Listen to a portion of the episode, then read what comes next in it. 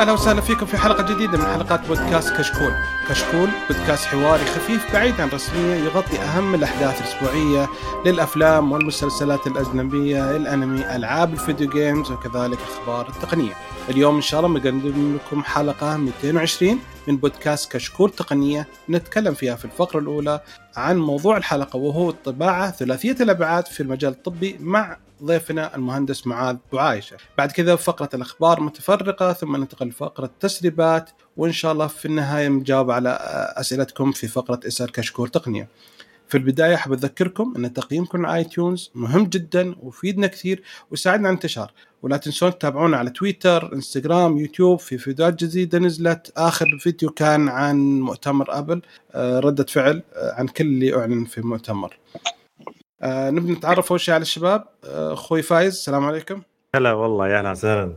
أهلا وسهلا فيكم جميعا. يا أهلا أهلا آه، أخوي معن. هلا والله. حياك. واخوي عبد الله يا هلا بك هلا هلا. هلا. آه وكمان نحب نذكركم بأن لنا حساب في باتريون اللي وده يدعمنا بإذن الله بيكون له مزايا مستقبل. الحين خلونا ننتقل مع موضوع الحلقة وأول شيء مع مهندس معاذ.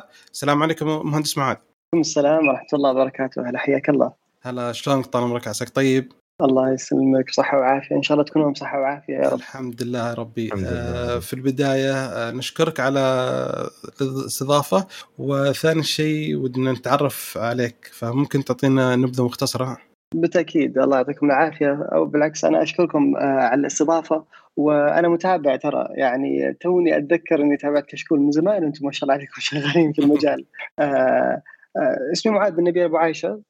بقول إني أنا عاشق لتقنية طباعه الأبعاد يمكن عرفت عنها قبل 11 سنة من الآن. آه، وشكلت هي نقطة تحول أصلا في حياتي كلها. بديت دراستي في تخصص هندسة متكاملة وعلوم الحاسب في كندا في جامعة وسترن أونتاريو. وبعدين اشتغلت بعدها مهندس جراحي لقسم جراحة المخ والأعصاب في مستشفى وسترن كندي. وأيضا اشتغلت مخطط جراحي لقسم جراحة العظام في مستشفى فيكتوريا في لندن كندا أيضا ومساعد باحث في مركز أبحاث العقل والدماغ. يعني كلها تشكلت حول توظيف تقنية طباعه الأبعاد في مجال الجراحي والمجال آه، الطبي بالتحديد. الحمد لله يعني آه، ربي يسر لي وفزت بجائزة Intel الدولية في عام 2009 أيضا جائزة MIT للابتكار الطبي وحظيت بشرف صراحة تمثيل المملكة في أكثر من 30 مؤتمر داخل المملكة وخارج المملكة يتكلم عن توظيف هذه التقنية وكيف إنها راح تؤثر وتغير أصلا في مجال الجراحي بشكل لا يصدق يعني. وكثرت عليكم. لا الله يعطيك العافية والله مستمعين الله يعطيك العافية. حلو. طيب آه، ما شاء الله. طيب في البداية نبغى نعرف آه، نبذة مختصره يعني هيستوري شوية عن الطباعه الثلاثية. بالعكس أي تقنية طباعه الأبعاد هي يعني تعد من تقنيات الثورة الصناعية الرابعة اللي إحنا نعيشها الحين اللي فيها فيها systems واللي فيها ال cyber security اللي فيها ال Internet of Things طباعة الأبعاد تعتبر نوع جديد من أنواع التصنيع العام، إحنا عندنا أنواع كثيرة من التصنيع. مثل النوع اللي هو اللي هو ال CNC ال milling يعني يجيك عندك مربع وبعدين ينحت المربع عشان يطلع شكل. بعدين عندك ال inject mold اللي هو بالحشو يعني يجيك مثلا قالب وبعدين يصب داخل القالب آه، مادة معينة تصير عليها تشكيل. فالفكرة جات إنه في تقنية جديدة اللي هي تقنية طباعه الأبعاد أو المسماها العلمي اللي هو التصنيع بالإضافة ال additive manufacturing آه، بدأت تقريبا في عام 1900 و84 تخيلوا القدم. يعني زمان خير يا جماعة. إي يعني نحن نتكلم فوق 30 سنة. مين منا سمع عن تقنية طباعه الأبعاد فوق 30 سنة؟ وللاسف انه صار فيها احتكار زي أي تقنية من التقنيات الثانية اول 20 سنة فقط في الشركتين اللي اللي اللي طلعت البراءة اختراع وبعدها بعد ال 20 سنة الأولى صار لها انتشار وبدينا نسمع عنها بشكل أكبر بس كانت غالية مرة الطابعات إلين آخر خمس سنوات آخر عشر سنوات صارت بمتناول كثير من المؤسسات الطبية والمؤسسات الصناعية بحد أكبر. طبعا آه، تقنية طباعه الأبعاد هي أقسام كثيرة ما هي قسم واحد. فكل براءة اختراع اهتمت بتقنية واحدة من تقنيات طباعة الأبعاد مثلا التقنية المشهورة اللي إحنا نشوفها في كل مكان اللي يسمونها FDM ولا FFF اللي Fused Deposition Modeling أو يسمونها ال material extrusion اللي هو رولة من البلاستيك تذوب في مركز انصهار. آه، هذه تم اختراعها أو ابتكارها من واحد اسمه سكوت كرامب أمريكي في القراج يعني عنده وطلعها عام 1986 وقبله آه، واحد ثاني اسمه تشارلز هول طلع أيضا اللي هو ال SLA أو stereolithography اللي عبارة عن حوض من البلاستيك السائل ويسلط عليه ال UV light الأشعة فوق البنفسجية بحيث إنها تسوي solidification حق السائل هذا. هذول الاثنين يعني. اللي طلعوا أول براءتين اللي نتكلم عن لا اللي هي تجميد أيوه تجميد تجميد السائل. يعني بدل ما يكون صلصل بيكون السائل resin يسمونه وبعدين يجمده. وهذا يسمونه تشارلز هول. هو الحين ماسك شركة 3D Systems أحد عمالقة طباعة الأبعاد آه، يعني الشركات آه، اللي اللي موجودة في السوق. وسكوت كرمب اللي مطلع التقنية الثانية آه، عنده شركة اسمها Stratasys وأيضا أحد أكبر عمالقة شركات طباعة الأبعاد اللي الحين تعد قيمتها السوقية يعني multi-million ما شاء الله companies بس أول واحد مسوي براءة اختراع اسمه بيل ماسترز واحد ما له علاقة يعني هو يشتغل يصنع سفن صغيرة ال canoeing هذه الكندية. لكن هو أول واحد جاته الفكرة وكتب فيها براءه اختراع وبعدين هذول لحقوه بعدين هذا تقريبا اوفر اول ايديا متى بدأت يعني التقنية وبعدين تسلسلت إلى عامنا الحالي. يا أخي مشكلة الحصريات في بدايات الاختراعات وكانت تسبب إنها ب خلينا نقول إنها بدثر هذه التقنية إلى ما إلى ما إلى قبل تقريبا عشر سنين بدأوا يدخلون عليها يعني بعد يوم سووا شاكلت وبدأوا يسوون يعني بدأوا يعني بعد ال 2010 تقريبا بدأت تحس إنها بدأت تثير بالناس. تثير برضو اهتمام الجميع يعني. أتذكر 2014 كان في بعض الأماكن يعني في, في يحطون لك كذا برينتر صغيرة تصنع لك خلينا نقول آه، اللي هي سوارات اليد أو شيء كذا شيء صغير مجسمات صغيرة. حقين و... الانمي استانس علي. أوه ما يحتاج. ف... ف... ف... فبالعكس الآن مع الثورة اللي صايرة لدرجة انه بعدين آه، أتذكر صارت حتى برضو في آه، الهندسة المعمارية والاربن بلاننج انه كيف صاروا يسوون آه، بعض الغرف بعض البيوت بعض المنازل بعض المكاتب برضو في مكتب في دبي موجود ناسي مكتب إيش بالضبط بس إنه المكتب كامل عند برج الإمارات كامل مبني ب 3D printing ما هو صحيح. شيء. وهنا في وزارة الإسكان بعد سوت تجربة اللي سوت بيت كامل في أقل من 24 ساعة. كان دور ارضي ولكن يعني كان في فكرة حلوة. طيب بس زي ما قلتوا أنتم أمثلة على حكاية موضوع أنه ممكن تستخدم نفس التقنية ك idea اللي هي حكاية الطباعة بالإضافة. آه إنها تستخدم في أكثر من مجال إذا اختلف الماتيريال أو المادة المستخدمة. طب في المجال الطبي كيف حيكون؟ إيش المادة المستخدمة تكون فيه؟ لا جميل سؤالك معنا طبعا المجال الطبي مجال حساس أكثر يمكن من أي مجالات ثانية، يمكن أول ما بدأت التقنية صح بدأت في المعمارية، بعدين صارت في البناء، بعدين صارت للطعام، بعدين صارت للطيارات، بعدين انتقلت يعني التقنية ما شاء الله في كل مكان قاعد تحاول لانها تقنية تصنيع، معناته التصنيع منتشر في كل يعني التخصصات، لكن في المجال الطبي أو المجال الجراحي بالتحديد الزراعات هو مجال حساس جدا، محتاج إنه المادة التي تطبع توصل لحرارات عالية، يعني حرارة عالية توصل لها المادة على بال ما تطبع وبعدين تتماسك مرة ثانية. لازم تكون biocompatible تكون المادة أيضا فيها يعني elasticity فيها مرونة جيدة وفيها plasticity أيضا ما تنكسر يعني. وفي نفس الوقت تتحمل اللي هو chemically stable تكون كيميائيا مستقرة داخل الجسم. فأساس كذا إحنا نختار أحد التقنيات. يعني أنا ذكرت يمكن تقنيتين لكن هم كثير. يعني هم اللي أنا أعرفهم تقريبا هم فوق 14 لكن في المجال الطبي في ثلاثة إحنا نركز عليها بشكل كبير جدا. واحدة منهم ال FDM والثانية اللي هو SLA اللي هو ال FDM اللي هو ال roll البلاستيك اللي تذاب وال SLA اللي تكون ال resin سائل المادة. والثالثة نسميها powder bed fusion وتنقسم هذه ال powder bed fusion هو عبارة عن طابعة كبيرة. وتجينا المواد powder آه، والمواد هذه معدنية العادة يعني تيتانيوم stainless steel وعادة تعرفون أنتم تيتانيوم و stainless steel ما شاء الله يحبها الجسم عادي يكون مستقر معاها بحكم أن المادة نفسها stable من داخل ما, ما تتأثر كثير بالمواد الداخلية. فتجي بشكل powder وتخيل ال powder هذا يجي له يعني أهم التقنيات اللي نستخدمها إحنا تحت ال powder bed fusion اسمها EBM اللي هو electron beam melting تخيلوا أنه ليزر شديد الحرارة وال diameter حقه يعني الديامتر القطر حق الليزر جدا دقيق على طبقة آه، من ال powder 1 ملم فمجرد ما يجي عليها الليزر بشكل طبعا digitally آه يسوي fusing حق ال particles الصغار هذول مع بعض to melt وبعدين يسوي لك الطبقة الثانية الطبقة الثالثة الطبقة الرابعة. يعني كل مرة ال powder يجي 1 ملي بعدين 1 ملي فوقه بعدين 1 ملي ثاني فوقه. وكل مرة ال electrical beam يجي على ال powder الصغير هذا يسوي لها melting ويذوبها عشان يطلع لنا الشكل. ففي فعلا يعني سؤالك معا في مواد معينة فقط نستخدمها إحنا في المجال الطبي وإحنا قريبين من مجال الفضاء. أي شيء نستخدمه في الطب نستخدمه في الفضاء أيضا. بس سؤال بس شلون الفضاء يعني في 3D printing هي سؤال ثاني بعد. يعني كيف؟ الفضاء يعني. تبي تبي فضاء عادي ولا فضاء بفضاء؟ فضاء طبي. لو نتكلم عن الطباع الطباع الفضاء العادي آه الفضاء العادي إنه المواد لازم تكون بعد anti bacterial ما ودك أنت عشان كذا لما تشوف الأماكن اللي تصنع فيها satellites ولا تصنع فيها المواد وتكون نظيفة جدا بحيث إن لما تطلع ما ودك بعد تنقل انت بكتيريا هناك في الفضاء. هم كافيين شرهم وخر... شرهم وخرهم وخيرهم عنا يعني.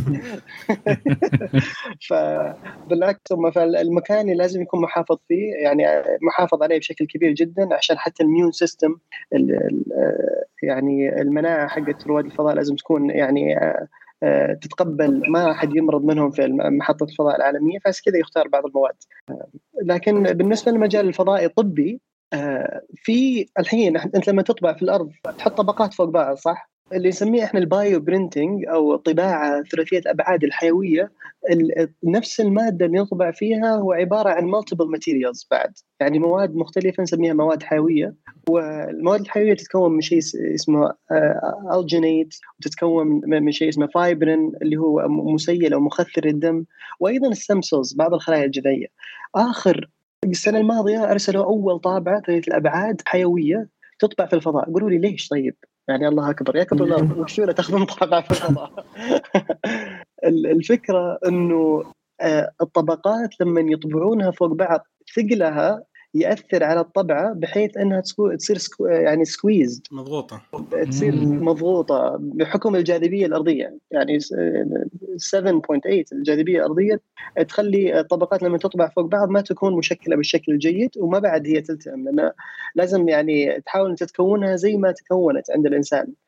فإيش اللي يصير في الفضاء؟ يحطون طابعه وبعدين يحطون يحطون القطرة هذه قطرة من المادة الحيوية يقطرونها وبعدين تخيل عندي زي السفير أو زي الكورة كذا مجوفة من داخل والكورة كلها مغناطيس فيتحكمون بالمغناطيس بالمغنطة وين مكان القطرة تنزل.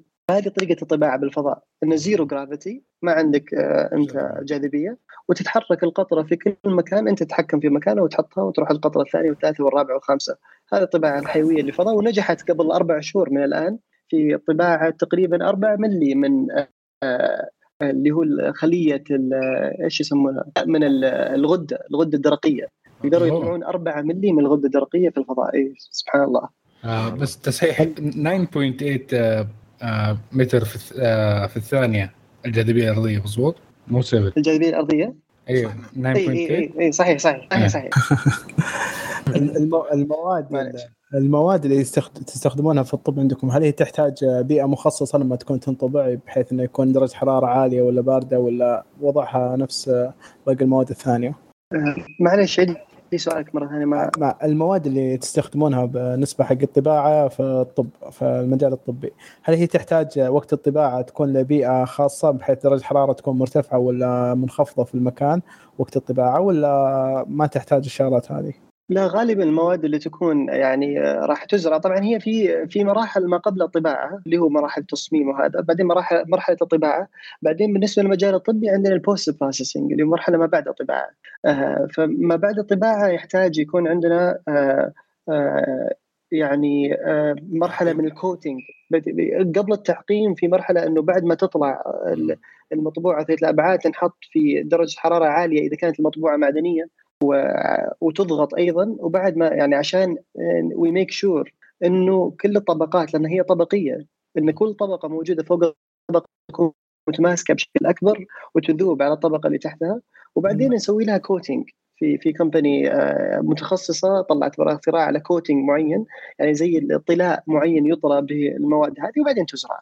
تقريبا كذا تأخذ ال process المواد اللي عادة نستخدمها في المجال الطبي اللي هو تيتانيوم ونستخدم ستانلس ستيل هذا بالنسبة للمواد اللي المواد المعدنية. واللي الزراعات الثابتة أتكلم. آه، إذا ما كان زراعات ثابتة بس تستخدم في الجراحة كأدوات جراحية مواد ثانية. لكن المواد الثابتة العاده stainless steel تيتانيوم نستخدم أيضا بالنسبة للبلاستيك روزرايز البلاستيك PEEK poly ether ether ketone و PEKK poly ether ketone ketone هذول المادتين أيضا من أقوى المواد البلاستيكية وأيضا تتحمل آه، تجلس داخل الجسم ووزنها خفيف أيضا. هل هل يعني الصمام مثلا اللي يتركب في القلب مثلا صمامات القلب واللي يتركب برضو في الدماغ؟ عند اللي يسبب الستروك هذا اللي ورا نسيت اسمه صراحة. آه، الجلطات؟ هل هو هذول هذه الأشياء هل يعني خلينا نقول العروق الأساسية أو الصمامات الأساسية في الجسم. الأوعية الدموية الشرايين إي نعم. الشرايين. هل يعني تكون ناجحة أكثر العمليات لها لما يعني تنشال؟ هل هو دائما تصنعون أنتم يعني 3D printing فيها ولا يكون في شيء جاهز مصنوع من شيء ثاني؟ يعني؟ جميل سؤالك. هو طبعا إحنا غالبا نشتغل عليه مو بدائل الأعضاء الداخلية داخل الجسم. لأن سبحان الله الجسم ما في أحسن من نفسه له يعني. هو يعالج نفسه بنفسه العادة وهو اللي يعني لأن الجسم له كود معين ما وال DNA لها كود معين فنادر ما تقبل أي شيء حيوي يتحرك فيها. مع إنه في آه، يعني أكبر قصة ناجحة لطباعة الأبعاد الحيوية آه، هي كانت تحت الدكتور أنثوني أتالا هو يشتغل في ال regenerative medicine center في United States وسوى كريمتوم مثانه يعني طبع مثانه كامله وزرعت في 2010 وما زال ما شاء الله المريض عايش بكل صحة وعافية وتم استخدام stem اللي هو الخلايا الجذعية اللي موجودة عند المريض بحيث إنه آه، قدر يصنع المثانه بالشكل اللي تلائم جسم المريض. بالنسبة للاوعيه الدموية أو الصمامات اللي موجودة في القلب عادة إلى الآن ما زال هناك أبحاث يعني يصير في زراعات لكن بحثية في ال clinical trial في ال human trial بس ما ما صرح لاستخدامه بشكل يعني جيد. لكن غالب ال ال تقنية طباعه الابعاد غالب استخداماتها في المجال الطبي إما للزراعات الدائمة زي الزراعات المفصلة اللي يجي واحد عنده ورم مثلا على القفص الصدري وبعدين إذا شلنا الورم من القفص الصدري نحتاج نغطي المنطقة هذه اللي تغطي الصدر فالعادة مم. تكون أنت تصمم مع تقنية طباعه الابعاد شيء مفصل ومشخصن تماما على حجم المكان اللي أنت قصيته مثلا من القفص الصدري أو اللي أنت قصيته مثلا من الجمجمة يكون كبديل. فعادة يكون هو بديل على أماكن الأورام اللي تقص آه، وتستخدم فيه المواد المعدنية والبلاستيكية. لكن غالب الشغل واللي أتوقع أنا تقريبا حوالي من شغلي أنا 80% على التخطيط الجراحي الرقمي قبل العملية. العمليات وقتها طويل جدا وكل ما زاد وقت العملية كل ما زاد ال blood loss يعني خسارة الدم عند المريض وكل ما زاد ال patient under anesthesia يعني المريض نفسه يكون تحت التخدير مدة طويلة هذا يزيد من خطورة العملية. لكن إحنا كيف نقدر نحاول نقصر من وقت العملية؟ إن نعطي الطبيب فرصة يمارس العملية قبل العملية أو نصنع له بعض القطع اللي تساعده. يعني نعرف إحنا الأطباء والجراحين ماهرين بس ما راح يجون بدقة الآلة في القص. قص مثلا مستقيم تماما. ما راح يقدر يجي مثلا في بالدقة هذه. فباستخدام تقنية طباعه الأبعاد إحنا آه نحاول ناخذ صور رقمي بالكمبيوتر. باستخدام طبعا ال machine learning اللي هو تعلم الآلة إنه نشوف الأماكن اللي فيها العروق ونصنع زي نسميهم surgical guide أو محددات جراحية. زي المسطره يعني بس مسطرة مطبوعة بتقنية طباعه simulation آه، حاسوبي قبل العملية ولا شيء أيوة physical أيوة بتسووه؟ لا simulation ومع ال simulation نطبع له physical محدد جراحي، محدد جراحي زي آه، المسطرة مركبة في المكان تماما اللي راح يقصه الجراح. وهذه المسطرة محطوطة في المكان اللي فوق العرق مثلا بعيدة مثلا عن ال blood vessels المعين مثلا. فيكون الجراح هو يدخل العمليات هي عبارة عن أدوات جراحية يستخدمها. يركبها في مكان في عنده في الجراحة ويبدأ يقص. المقصات هذه اللي إحنا صنعها أو 3 D printed يعني تكون مصنوعة بتقنية طباعة الأبعاد تساعد الجراح إنه ما يطلع من المساحة المحددة له. لأنه you know يعني في في في فرق بين استخدام ال free hand الجراح يكون يستخدم يده الحرة أو تكون محدد له بالضبط مكان مطبوعة ب يعني مكان آه، تركب عليه قطعة مطبوعة بتقنيه طباعة الأبعاد آه، مدروسة من قبل بالتخطيط الجراحي. فهذه تفرق في العملية بشكل كبير. من الأشياء الثانية أيضا نستخدم يا كنت بس بسأل هل ممكن هذه برضو يساعد في حكاية تعلم آه، بعض الأيادي الجراحية بتشوف إنه في حكاية إنه زي اليد الجراحية اللي تجي الدكتور هو اللي يمشيها. فإذا كان ال simulation ده موجود هل ممكن انكم ممكن تخلوها بدون دكتور آه العملية تصير في اليد الاصطناعيه دي إنها تسوي العملية؟ اي robotic surgeries موجودة من زمان. يعني ومن أخطر الروبوتات اللي موجودة ما شاء الله اللي هو دافنشي آه يعني automated آه يتحكم فيه الطبيب من جهاز آخر. بحيث مثلا إذا كانت مكان الخياطة أو مكان الجراحة صغير جدا يروح الدكتور ويكبر له المكان هذا بحيث إنه يقدر يستخدم جهاز خارجي يسوي فيه العملية لكن أيادي الروبوت هي اللي داخل المريض تشتغل. آه، العمليات الروبوتية في كذا عملية أيضا في طب الأسنان جراحة الوجه والفكين آه، تمت عن طريق الروبوت يعني في الصين وفي كوريا لكن إلا ما زالت الثقة ما هي مش ولا بد يعني مع الروبوتات آه، فعلى أساس كذا يعني الطبيب دائما هو لازم يكون لأن في شغلات كثيرة مهما تتعلم ال experience آه، تفاجئ الطبيب يعني آه، لأن بني آدم كل واحد نسخة غير الثانية. وعلى أساس كذا لما تجي تقني طباعة الأبعاد إيش تسوي؟ تسوي لك يعني مثلا أقول لك أحد الحالات اللي جاتنا، أحد الحالات اللي جاتنا جانا مريض موجود فيه مرض جيني آه، اسمه hypertelorism يكون تشكيلة الجمجمة عنده فتحات العيون تكون يمين يسار يعني جدا لافه يمين يسار. وبعدين عنده فتحة زي الشفة الأرنبية لكن نسميه إحنا كليفت بالت فمفتوح عنده سقف الحلق إلين تخيلوا إلين يعني تحت الدماغ. فهذه مشكلة الجراحين يسوون لها عملية يحاولون يعيدون تركيب تشكيل الوجه هذا. فبإعادة تركيب تشكيل الوجه هذا لازم الجراح يتمرن على الوجه صح؟ فإيش نسوي إحنا بتقنية طباعه الأبعاد؟ نروح ناخذ الصورة المقطعية اللي تشوفونها أبيض وأسود. والام ار اي ونطلعها برا وبعدين نسويها بشكل 3 دي لكن البرامج اللي نستخدمها تكون برامج مصرحة من هيئة الدواء والغذاء سواء السعوديه أو الامريكيه عشان تكون دقيقة جدا يعني ما تطلع لنا شكل غير الشكل الموجود للمريض. ونطبع آه، جمجمة.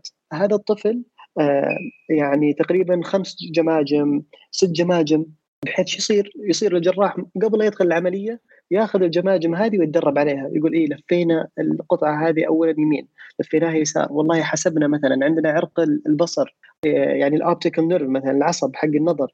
إذا مثلا آه، حركت العظمة هذه بالشكل الكبير ممكن تأثر. قبل العملية نقدر نقيس كل هذه المعايير على مجسمات لكن طبق الأصل من آه، حالة المريض اللي عندنا. والجراح خلاص يصير يكتب يقول والله ترى لفيناها 3 سم من هنا ما نقدر نرفع هذه فوق أكثر من كذا عشان ما ينقطع العصب مثلا.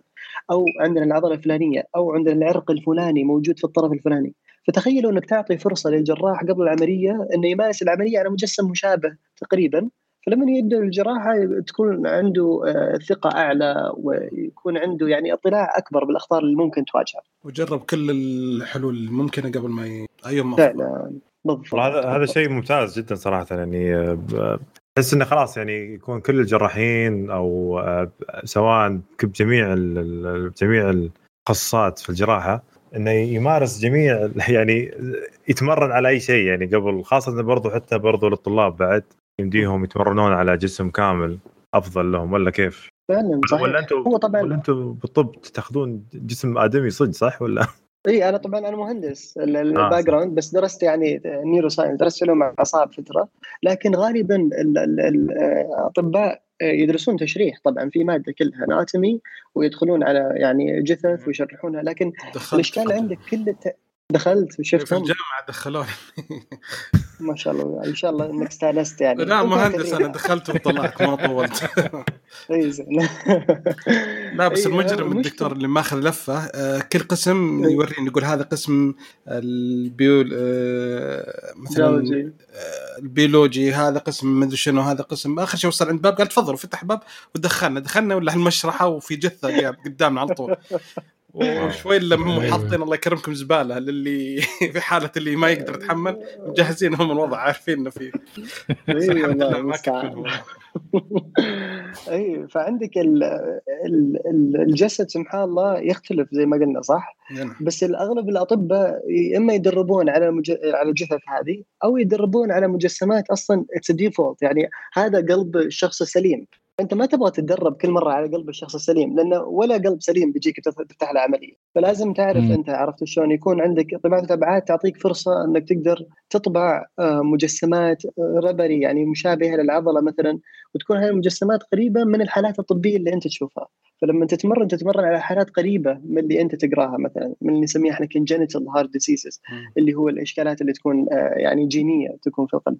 طيب في سؤال معلش إحنا المفروض السؤال هذا من البداية. نسأله نعم. اللي نعم، هو وش الحسنات الطباعة الثلاثية في المجال الطبي؟ لأن أنا مرة قد سألت واحد من عندنا كانوا يبغون يجربون طباعة يسمونه الجبس اللي الكاست اللي مش ما أدري بالعربي. الجبيرة الجبيرة. بالضبط الجبيره مم. بثلاثية أبعاد أول شيء انها تصير خفيفة جدا ما تكتم اليد آه، آه، مناسبة ولا تضايق الشخص ويعني بس انها شوية غالية بس كان في يحسبون إنه يوم أفضل لأن لأن وقت طويل ما العضلات كلها سليمة ما في ضغط عليها ما في زي كذا بالنسبة زي الجبيره العادية. فكان فوش الفوائد الأساسية أو الحسنات الأساسية من بالنسبة لتقنية طباعه الأبعاد في المجال الطبي يعني آه، على حسب كل قسم له فائدة معينة، إذا كنا نتكلم عن الجراحة في الجراحة أنت تحتاج تكون جودتك عالية وتحتاج تكون عندك الساعات الأو آر في السعودية 600 1700 إذا ماني غلط ساعة. فهي أيضا كاستي يعني فأنت مجرد ما تجيب تقنية زي هذه وتدرب الأطباء على أنه we spend more time in planning ناخذ وقت أطول في التخطيط وبعدين ناخذ وقت أقل في ال execution مش نقعد نتفاجئ في غرف العمليات وش نسوي وش نحط وهذا المفاجات راح تجيك تجيك. بس كل ما you plan better كل ما يعني أنت تخطط بشكل أفضل راح you execute بشكل أفضل. فمن أول اللي مشاريع. موجودة إدارة مشاريع. لكن مشروعك كان جراحة. أتوقع المفروض بس كذا أنا غالب شغلي إني أحط ال- ال- ال- المبادئ الهندسية في المجال الجراحي لأن سبحان الله عقلية الطبيب تختلف ترى عن عقلية المهندس. الطبيب آم، يشتغل تحت الضغط آه، الربط عنده عالي جدا آه، ذكي في آه، يعني في آه، اكتشاف مثلا مشاكل معينة وتذكر وربطها في وقت العمليات. المهندس أرقام probabilities إحصاءات آه، أو أو احتمالات عنده. آه، يحب يخطط بشكل جيد جدا يعني هو يحب يكون كفاءته عالية جدا جوده عالية التدريب يكون عنده عالي بحيث إنه يطلع بمنتج جيد. فإذا أخذنا المبادئ هذه الهندسية إنك تخطط العملية بشكل أفضل وتدع مجال للتقنيه هي ما هو صحيح. أنت إذا قلنا ال ال الإنسان والجراح ذكي جدا فالتقنية أيضا ذكية في في مجالات. فإذا دمجت أنت الجراح الذكي مع تقنية رقمية عالية طلعت في يعني طلعت بحلول أصلا عبقرية. يعني إحنا نتكلم الحين عن آه، تحسين لمستوى الجراحة لكن طباعه تفتح أيضا باب جديد لبعض العمليات اللي الجراح ما يقدر يسويها. غطاء معين مثلا الجمجمة ما يقدرون يشكلونه بالشكل المناسب مثلا. منطقة مفقودة من الجسم وطباعه الابعاد راح تكون أجمل شيء ان تعوض المنطقة هذه وتخلي للمريض جودة حياة بعد الجراحة. يعني غالب الجراحات إذا انشال جزء معين حساس من الوجه مثلا صعبة إنه يعوضها جراح بأي قطع ثانية معدنية لأنه بيقعد يسويها بيده ويركبها وبيمين يسار إلى أن تطلع مشابهة طبيعي لكن تقنية طباعه الابعاد بالعكس مع الذكاء الاصطناعي إحنا نقدر نسوي الزراعة هذه اللي موجودة في الوجه مشابهة حتى للتقسيم الجيني حق وجنتي الرجل والمرأة والمصاب هذا حيث مجرد. ما تزرع بالعكس يطلع بعد الجراحة بشكل جيد. هذا بالنسبة للجانب الجراحي. آه، تكلمنا عن التكلفة وتكلمنا عن الوقت وتكلمنا عن الجودة. بالنسبة للتعليم فهي تغير مجال التعليم. التعليم الورقي التعليم اللي ال virtual ال VR مثلا الواقع الافتراضي أو الواقع المعزز جميل جدا لكن ما في أحسن من التعليم اللي هو ال physical memory اللي هو الذاكرة الذاكرة العملية اللي باليدين الجراح يحتاج يمرن أصابعه يحتاج يمرن يده بشكل كبير جدا. عشان كذا. عشان كذا كل راح فترة الأطباء لو ترك فترة ما سوى عملية لازم ياخذ تدريب قبل ما يرجع مرة ثانية عملية حتى لو كان جراح. اي اي تشوفه عشان يمسك. لك آه، عنب ويقعد يخيط العنب ولا بطيخة. يعني عشان ما نعم. فعلا آه، والجانب الثاني زي ما تفضلت اللي هو جوانب مثلا الجبائر مثلا الجبائر يسمونهم ال- ال- ال- الجوانب اللي آه، نسميها إحنا ال- ال- التأهيلية مثل الأطراف الصناعية والجبائر وهذه. بالعكس هذا باب كبير جدا وفي شركات ترى كبيرة فتحت لها 15 سنة تسوي جبائر وتسوي مقومات الظهر بتقنيه طباعه الأبعاد. إيش الميزة؟ الميزة إنها دقيقة جدا ما هو عمل يدوي والوقت أقل لكن وقت الطباعة أطول لكن أنت تحتاج مهندس واحد يسوي التصميم ويطبع. اما بالصناعة التقليدية تحتاج معمل كامل والمعمل فيه تقريبا أربع أجهزة. والاربع أجهزة هذه اللي موجودة تشوف معاها تقريبا four technicians يعني أربع تقنيين يشتغلون عليها. إي أقل شيء. فأنت بالتقنية هنا بالعكس في مواد منها النايلون أحد أفضل المواد اللي تطبع بتقنيه اسمها ال SLS selective laser sintering وهي العادة تستخدم آه، في الجبائر ليش الجبائر أفضل تقنية طباعه الابعاد؟ الجبائر هو شيء نقدر إحنا نصممها بشكل اورجانيك يعني تسوي سكان للمنطقة مسح ضوئي وبعدين تصير مصممة بشكل جيد آه، للذراع. الشيء الثاني نقدر نتحكم بالفتحات اللي موجودة. إحنا غالبا المشاكل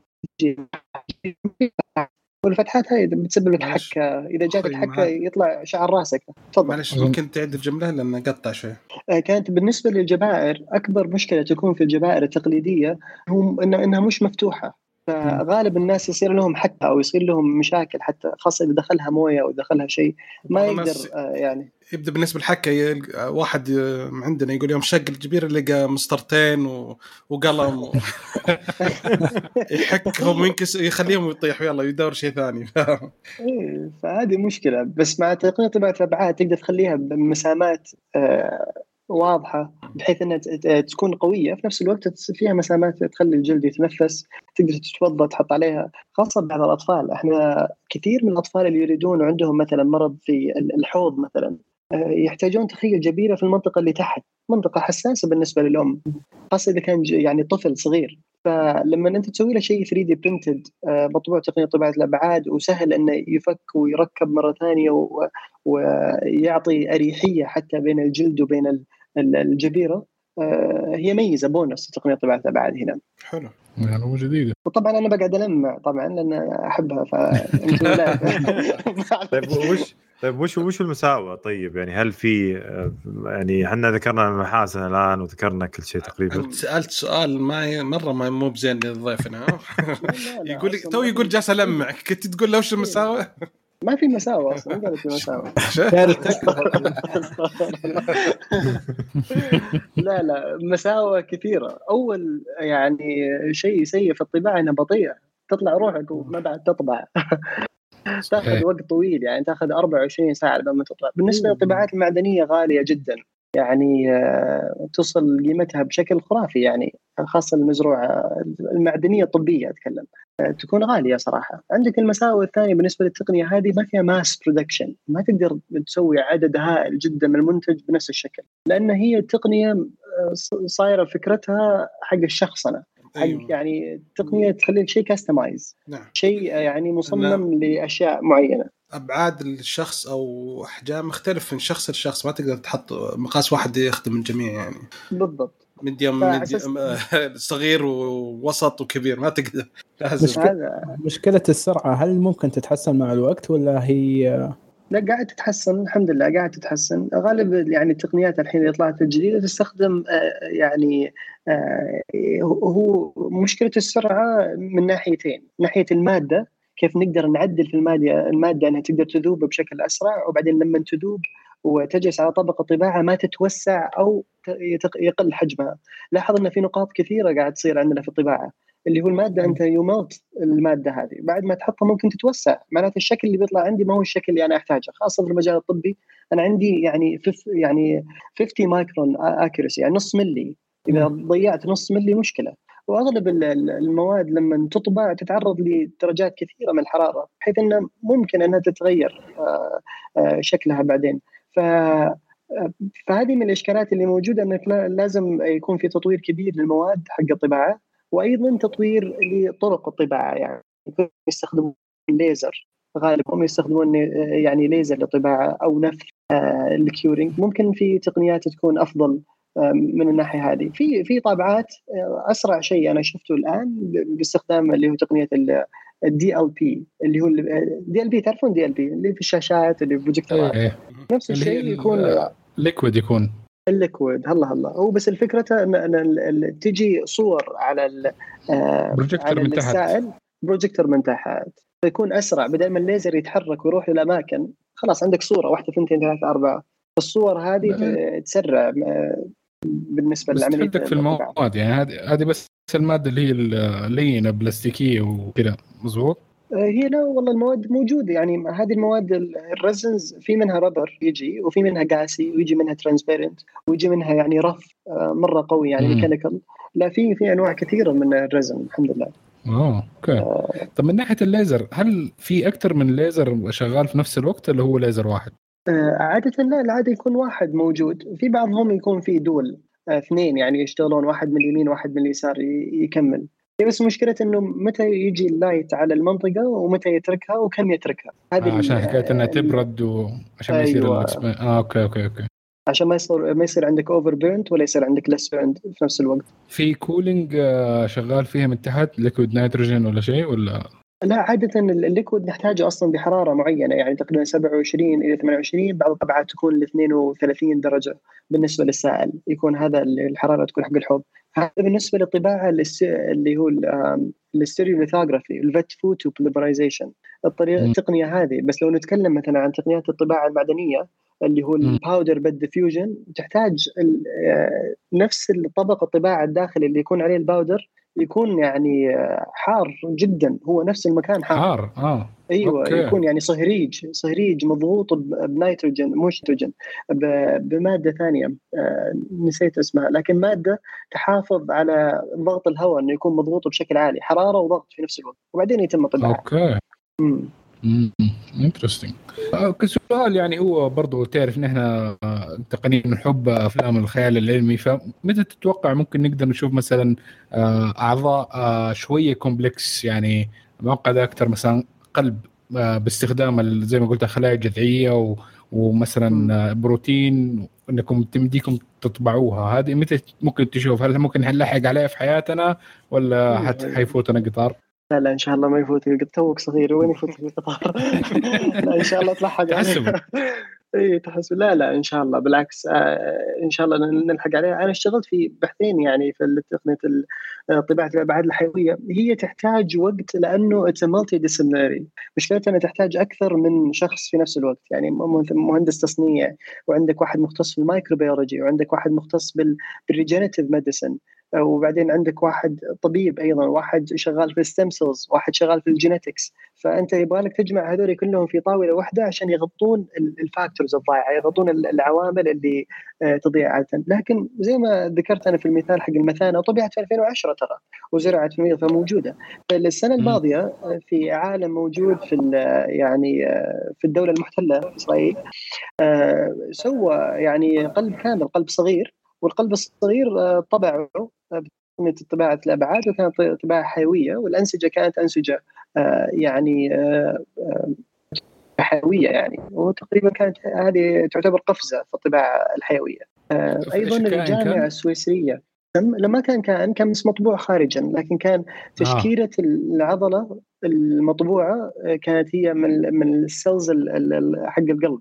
فتعتبر آه، يعني okay. إنه طبع القلب لكن مش لكائن معين هو بس عباره عشان يشوف كيف الشكل يشوف كيف أصلا الخلايا الجذعية تنمو وتتكاثر بالشكل اللي هو آه، افترضه يعني نظريا. okay ممتاز. آه لكن في شغلات اللي هو مطبوعه تقنية طباعه ثلاث الأبعاد لكن مش حيوية تستخدم. يعني معهد آه أو جامعة ال ET ETH إذا ماني غلطان في Switzerland في, في سويسرا شغالة بشكل كبير على طباعة اللي هو الأعضاء مش الحيوية طباعة مثلا مواد سيليكون والسيليكون تكون بعد آه تكون يعني biocompatible نقدر نزرعها داخل الجسم ولكن آه مزروع معاها آه حساسات كهربائية بحيث انها تخلي تشكيلة السيليكون acts like يعني آه ان تكون تشكل وظيفتها زي تشكيلة القلب. ونجحوا لكن مشكلة القلب يعني يموت عندهم. يعني السيليكون ما يتحمل تخيل أنت القلب من نولد إحنا كم ضخة يعني كم ضخة في اليوم يضخ القلب؟ وكم على مقدار السنة؟ آه. فغالب المواد اللي موجودة ما تتحمل عرفت كيف؟ حتى في الزراعات يعني لما نزرع مثلا hip replacement إذا واحد مثلا انكسر عند الحوض وسوينا 3D printed مثلا hip replacement اللي هو حوض مزروع العظمة هذه حقت الفخذ العظمة في لها fatigue test اللي هو كم دوسة ممكن يدوسها المريض على هذه العظمة؟ نقول مثلا 10 مليون 20 مليون. فما راح ما راح تصبر حتى انها تجلس إلين يمكن 10 سنوات فقط ولازم يسوي revision يسوي عملية ثانية عشان يعدل الزراعة هذه اللي موجودة. فسبحان من خلق وأبدع يعني العظم ما في له بديل يعني مهما آه. مهما أشتغل سبحان الله. هي هذه واحدة من أهم الأشياء اللي أظن في ال bio آه، matter حكاية إنها ال repair factor اللي ممكن تسويه إنها تقدر تصلح نفسها مع آه، الاستخدام. ف فهذه أظن واحدة من الأشياء اللي ممكن وال rejection rate بالنسبة كمان الأشياء الغير bio وما تكون من نفس الإنسان هي أظن المشكلة الكبيرة اللي تواجه الاشياء 3D printed ممكن ولا ال rejection rate يكون واضح حاليا؟ والله في في في rejection rate يعتمد طبعا على ال يعتمد على آه، المريض يعني عادة بعض بعض المرضى يكونوا حساسين آه، بشكل أو آخر. وأيضا يعتمد على العملية هل الجراح غطى القطع المطبوعة ثلاثية الابعاد إذا كانت مثلا معدنية غطاها ببعض الأنسجة ال membrane اللي ما تسمح لها تتآكل مع الجلد. يعني في بعد لها احترافية أيضا في وضع القطعه المعدنية. آه ومن الشغلات الثانية غالب المواد اللي نستخدمها تكون أصلا اوريدي بروفد يعني هذه مرت ترى على مراحل كثيرة جدا إلين هيئة الدواء والغذاء الأمريكية قالت والله خلاص إحنا جربناها على حيوانات كرمتهم وبعدين حطيناها على آه، الإنسان وبعدين استمرت لسنوات طويلة وبعدين خلاص يعني سمحنا باستخدامها. فغالبا يعني المواد هذه اللي موجودة certified لكن توصل لمرحلة اللي حساسية من شخص إلى آخر. يعني إحنا المفروض نتابع أخبار الحيوانات في ال 3D printing والأشياء دي عشان نعرف 10 سنين قدام إيش ممكن يصير إي ممكن ممكن. لكن هو أنا يعني أنا عملي مثلا جزء من من عملي إني أسرع الدفة في السعودية. إحنا الحين ما عندنا زي قبل ننتظر ويخلصون وبعدين نبدأ. فجزء من عملي أول ما جيت الآن حاولت أقدم محاضرات قدمت تقريبا حوالي 20 محاضرة في كليات الطب عشان الاطباء شوية يستوعبون التقنية لأن الاطباء أيضا ما هو ما هو أصدقاء معنا المهندسين فيعني لازم نودد صداقات شوية. بالعكس إحنا يعني أنا أحب الشغل معاهم بس سبحان الله المايند غير طريقة ممكن أنت تفكر بزاوية هو يشوفها جدا معقدة. وهو يفكر بزاوية أنا أشوفها جدا معقدة وهو بالنسبة له سهلة وبالنسبة لي زاويتي أنا سهلة. فمجرد ما نطرح لهم التقنية بشكل أبسط لأن ما أقدر أنا كمهندس I fly the ship by myself لا تقنيه طباعه الابعاد في الجانب الطبي يجب أن يكون معي طبيب. عشان كذا أنا اضطريت إني يعني أدرس جزء معين من التدريب كله طبي يعني فوق ثلاث سنوات بعدين أخذت يعني شهادات تدريب التخطيط الجراحي في أحد الجامعات. كان كله purely medicine عشان فقط أتعرف بشكل أكبر قبل لا أشتغل لأن المكان حساس شوية. بمجرد ما أظن أطباء أو المجتمع الطبي آه، تعرف على التقنية بشكل أفضل آه، بيسمحون لها أن تكون موجودة معاهم بشكل أكثر وهي من تصنع منهم يعني آه، أبطال. يعني بالعكس يعني الجراح هو ماهر جدا لكن إذا اضفت له شيء زايد بالعكس راح يبدع بشكل يعني أكبر وراح يفكر خارج الصندوق اللي العادة هو محطوط فيه. لأن نسبة الخطر عنده عالية جدا فما يقدر يخاطر. وإحنا مهندسين عادي يعني صحيح. خرب قط وجيب واحد ثاني. بس أوادم ما تقدر تسوي شيء هذا. غريبه من حكاية إنه الاختلاف اللي بين الدكاترة والمهندسين هذا عندي في العيلة. فالاختلاف اللي بيني وبين الوالد والوالدة موجود. هم الاثنين دكاترة وأنا المهندس فطريقة التفكير المختلف موجودة. تلاحظ في البيت. سبحان الله. أيوه سبحان الله. طيب شباب طيب. عندكم أسئلة؟ آه، بس آخر شيء بس يعني هل زي ما قلنا إن آه، يعني فائدة 3D printing خلينا نقول خلينا ال wrap up على قولتهم الموضوع بشكل عام انه فعالة جدا جدا جدا ومستقبلا برضو آه، يعني بنشوف لو لو لو صار أسرع الطباعة صارت أسرع راح يصير فيه مجال أكثر وأكثر لها خاصة عندنا هنا في السعودية صح؟ اي صحيح. أنا الحين آه، يعني آه، في أحد المنشآت الصحيه واكبر منشأة صحية موجودة في الرياض.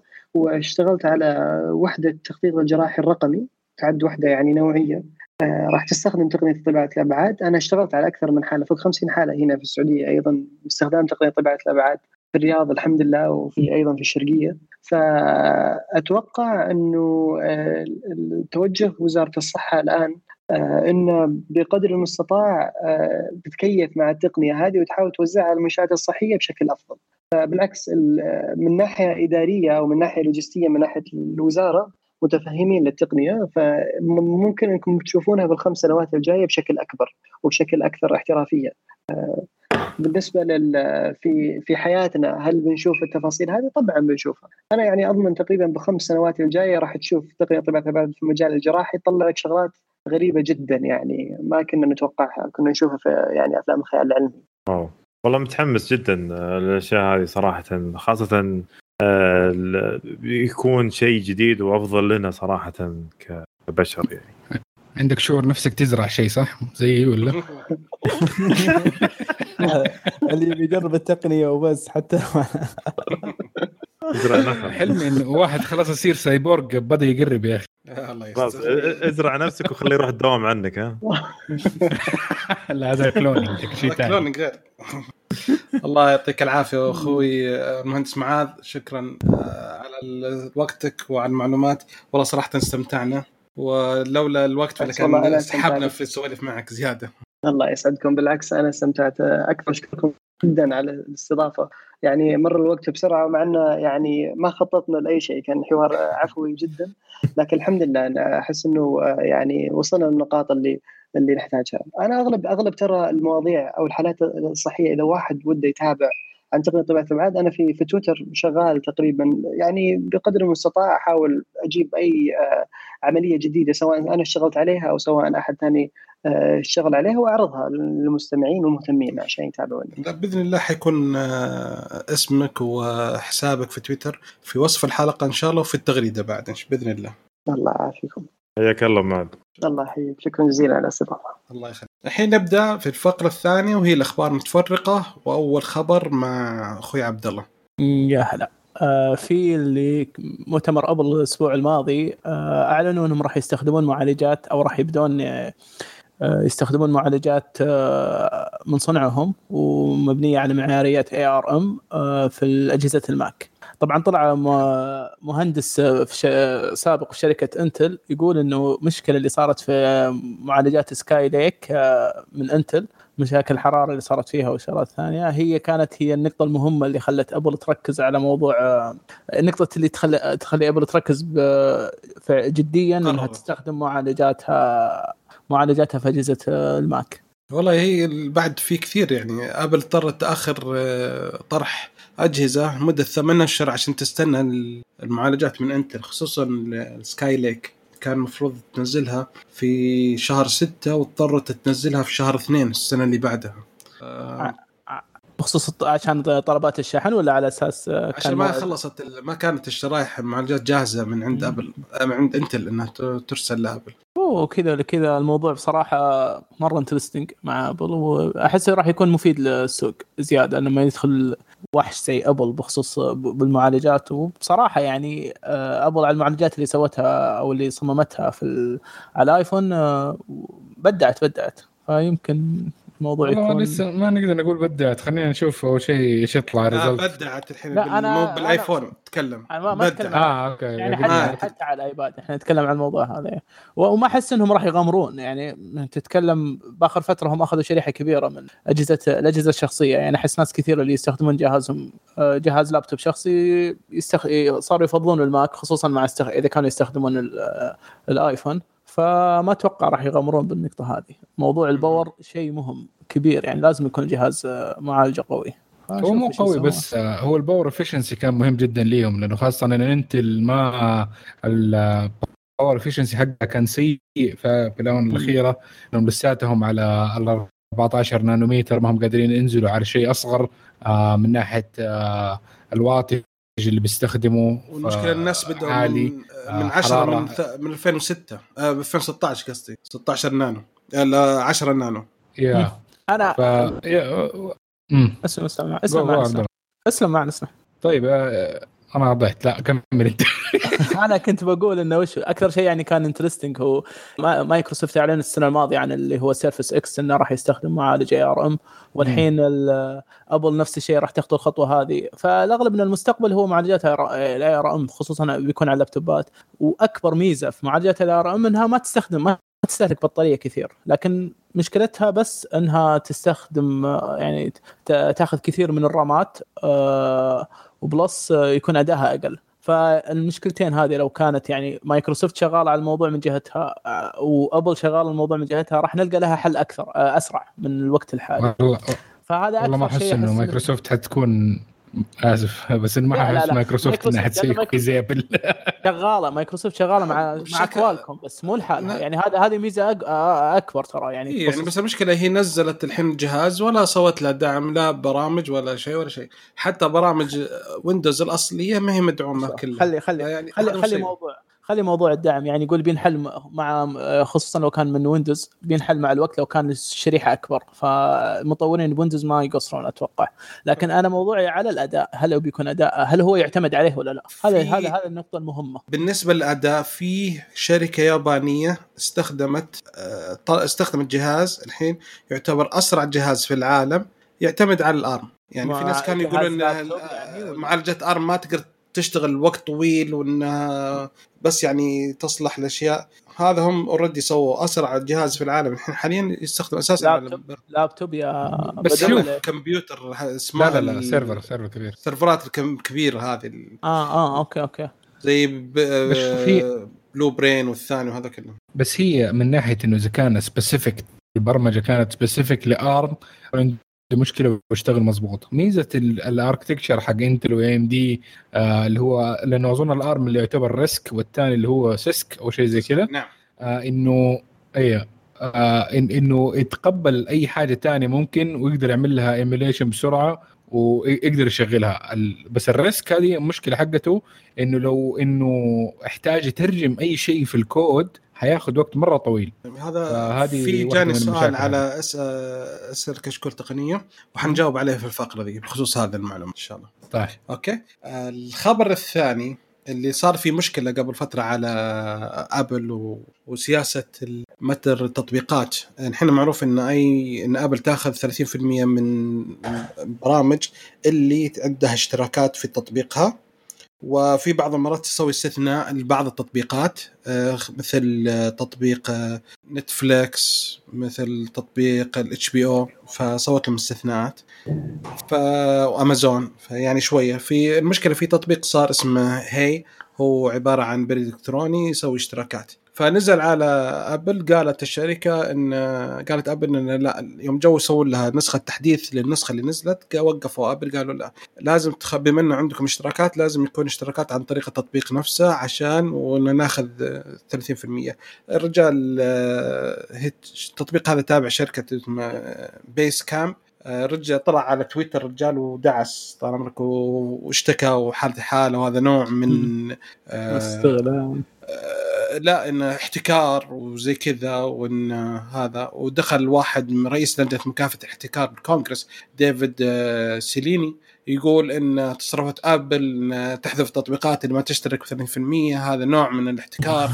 وإن بسبب قوة شركة آبل إنها عندها عمله كبير فهذا يخليها تجبر التطبيقات عن طريق الابتزاز وإنها ما تسمح الوصول لعملائهم. ففي بسألك سؤال يعني قبل ما نبدأ هذا حتى رئيس شركة مايكروسوفت براد سميث قال إن على الجهات انه لازم تتدخل في موضوع مكافحة احتكار التطبيق هذا. ما الشركات الكبيرة العالمية اللي تحتكر في متر برامجها؟ ما قال أبل صراحة يعني بس إنه يعني كأن أشهر كان أشهر أغلب الكلام على أبل صحيح خصوصا على الموضوع اللي سوته سبوتيفاي من ست شهور تقريبا. أي نعم نفس الشيء. سبوتيفاي راحت اشتكت الاتحاد الأوروبي وقالوا حيسوون في الاتحاد الأوروبي. شركة أوروبية.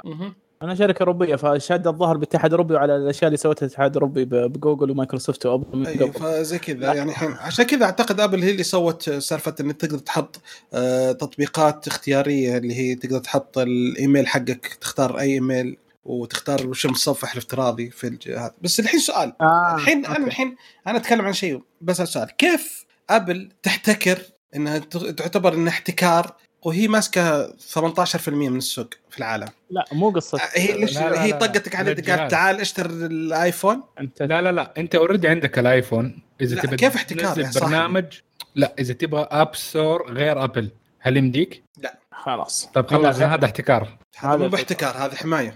لا لا لا احتكار. طيب أنا ما أبغى.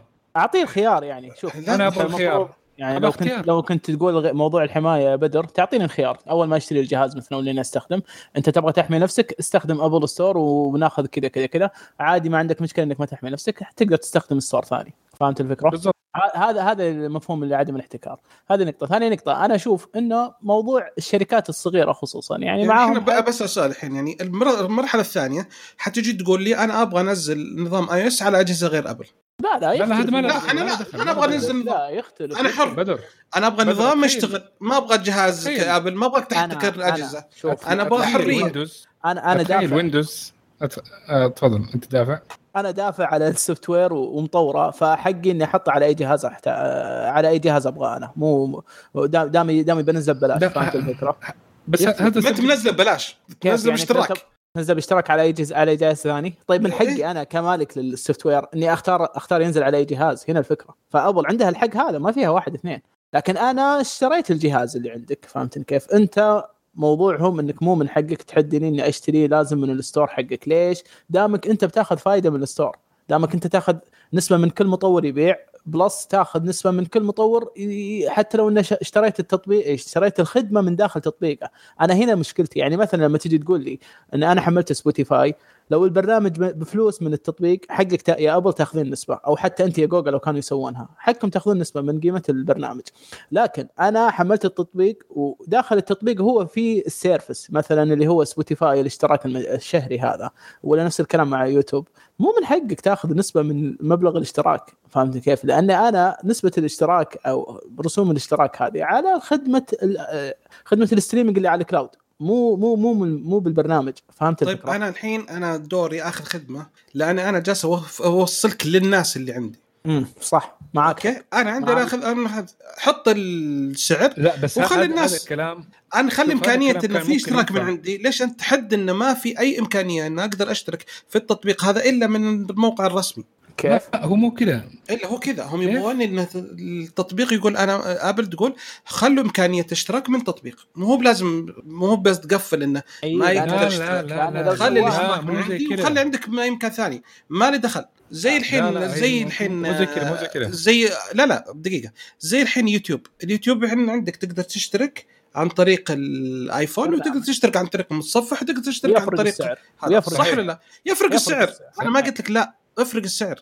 إذا واحد يبغى يشترك عن طريق أبل يدفع زيادة. هذه ما هي وإذا المشكلة ما يبغى يشترك عن طريق أبل يقدر يشترك في الموقع. أنا ما عندي مشكلة. هذه هذه ما هي المشكلة اللي حاليا مع هذه. أبل اللي هي- بتسوي المشاكل هي ما تبغى مع تطبيق. الشركات الصغيرة إنها ما تخليها إنها تسوي آه، نظام دفع من الموقع حقها.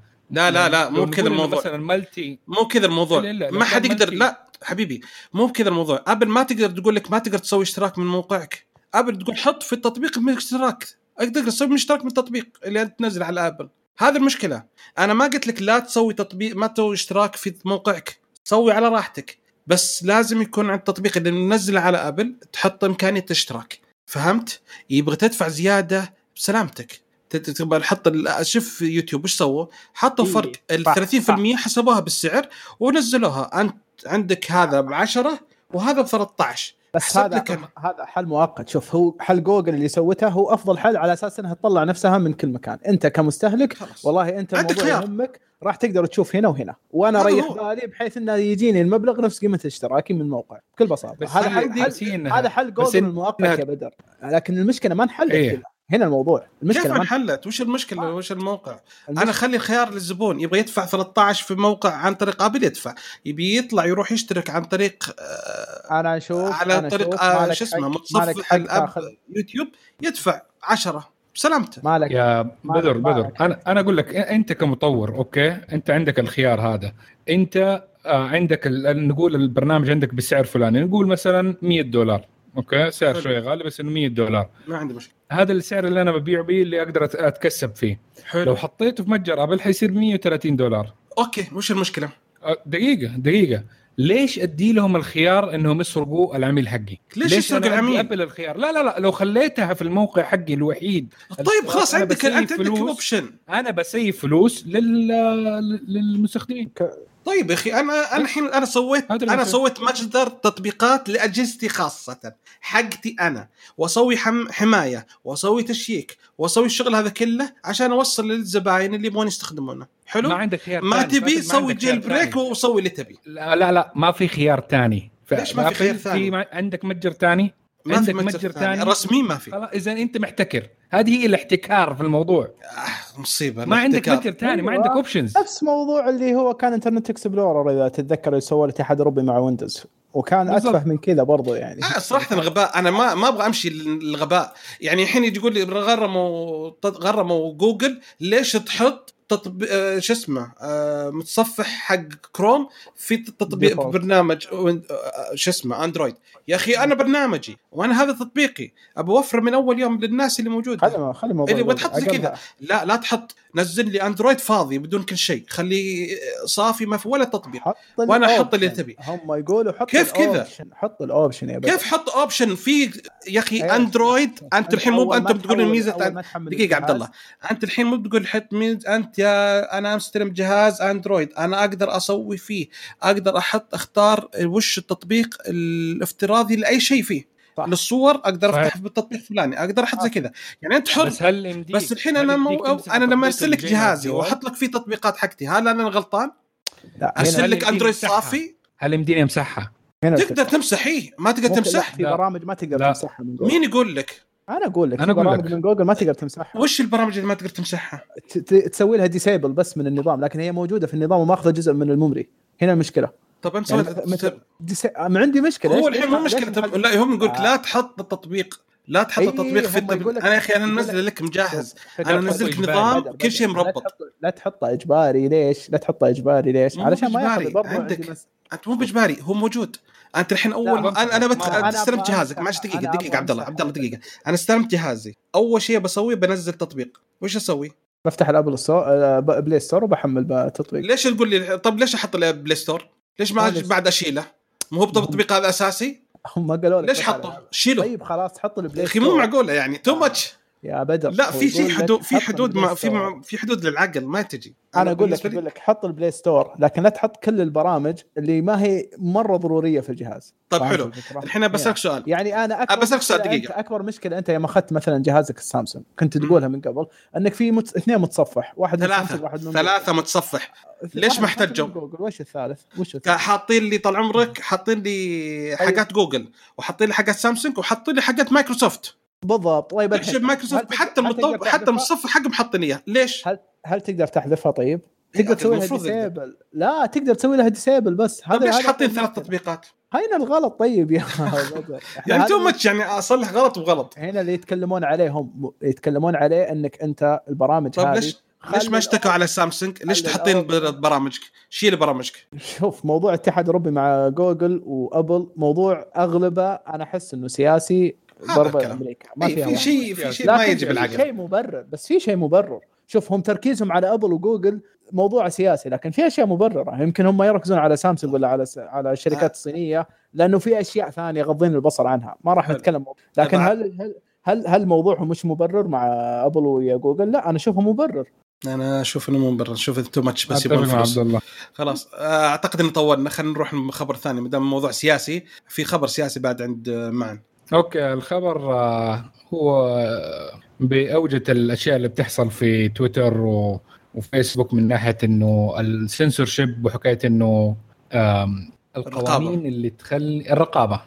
جميل حلو الرقابة. ففي نحن تكلمنا عن حكاية اللي هو ال section 230 من ال 1996 ال Communications Decency Act حق أمريكا. يخلي آه، آه، يقدر يخلي أي شركة إنها تقدر تعمل moderation أو إنها تراقب ال- ال- المعلومات اللي موجودة فيها اللي يقدروا يحطوها الناس وان إذا حابة تمسح ولا ما تمسح الأشياء دي آه اختياري ليها زائد إنه آه إيش كمان زائد؟ إيش؟ ما يقدرون يرفعون هي قضية. على رأي الأش- على الأشخاص إنه- اللي يستخدمون التطبيق أو المنصة. بالضبط. ففي السنت الاخوان حطوا بيمرروا لو باكت بأنهم يقدروا بالشر... بالحكومة الفدرالية إنها يمديها إنها تجبر الشركات هذه إنهم يدوا لهم إيش الطريقة اللي بيسوي فيها ال moderation أو التحكم أو الرقابي وإنه يقعدوا يبلغوا عليها وإنه ادي القوة الفدرالية إنها يمديها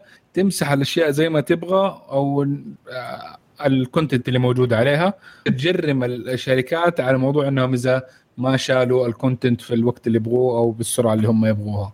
ف وبرضه من الأشياء إنهم عشان حكاية إنهم يمديهم يشوفوا أغلب الأشياء دي فبرضه إنهم بيحاولوا يشيلوا برضه ال encryption من أشياء كثيره التشفير مثلا نقدر نقول التشفير آه، زي الواتساب والأشياء دي.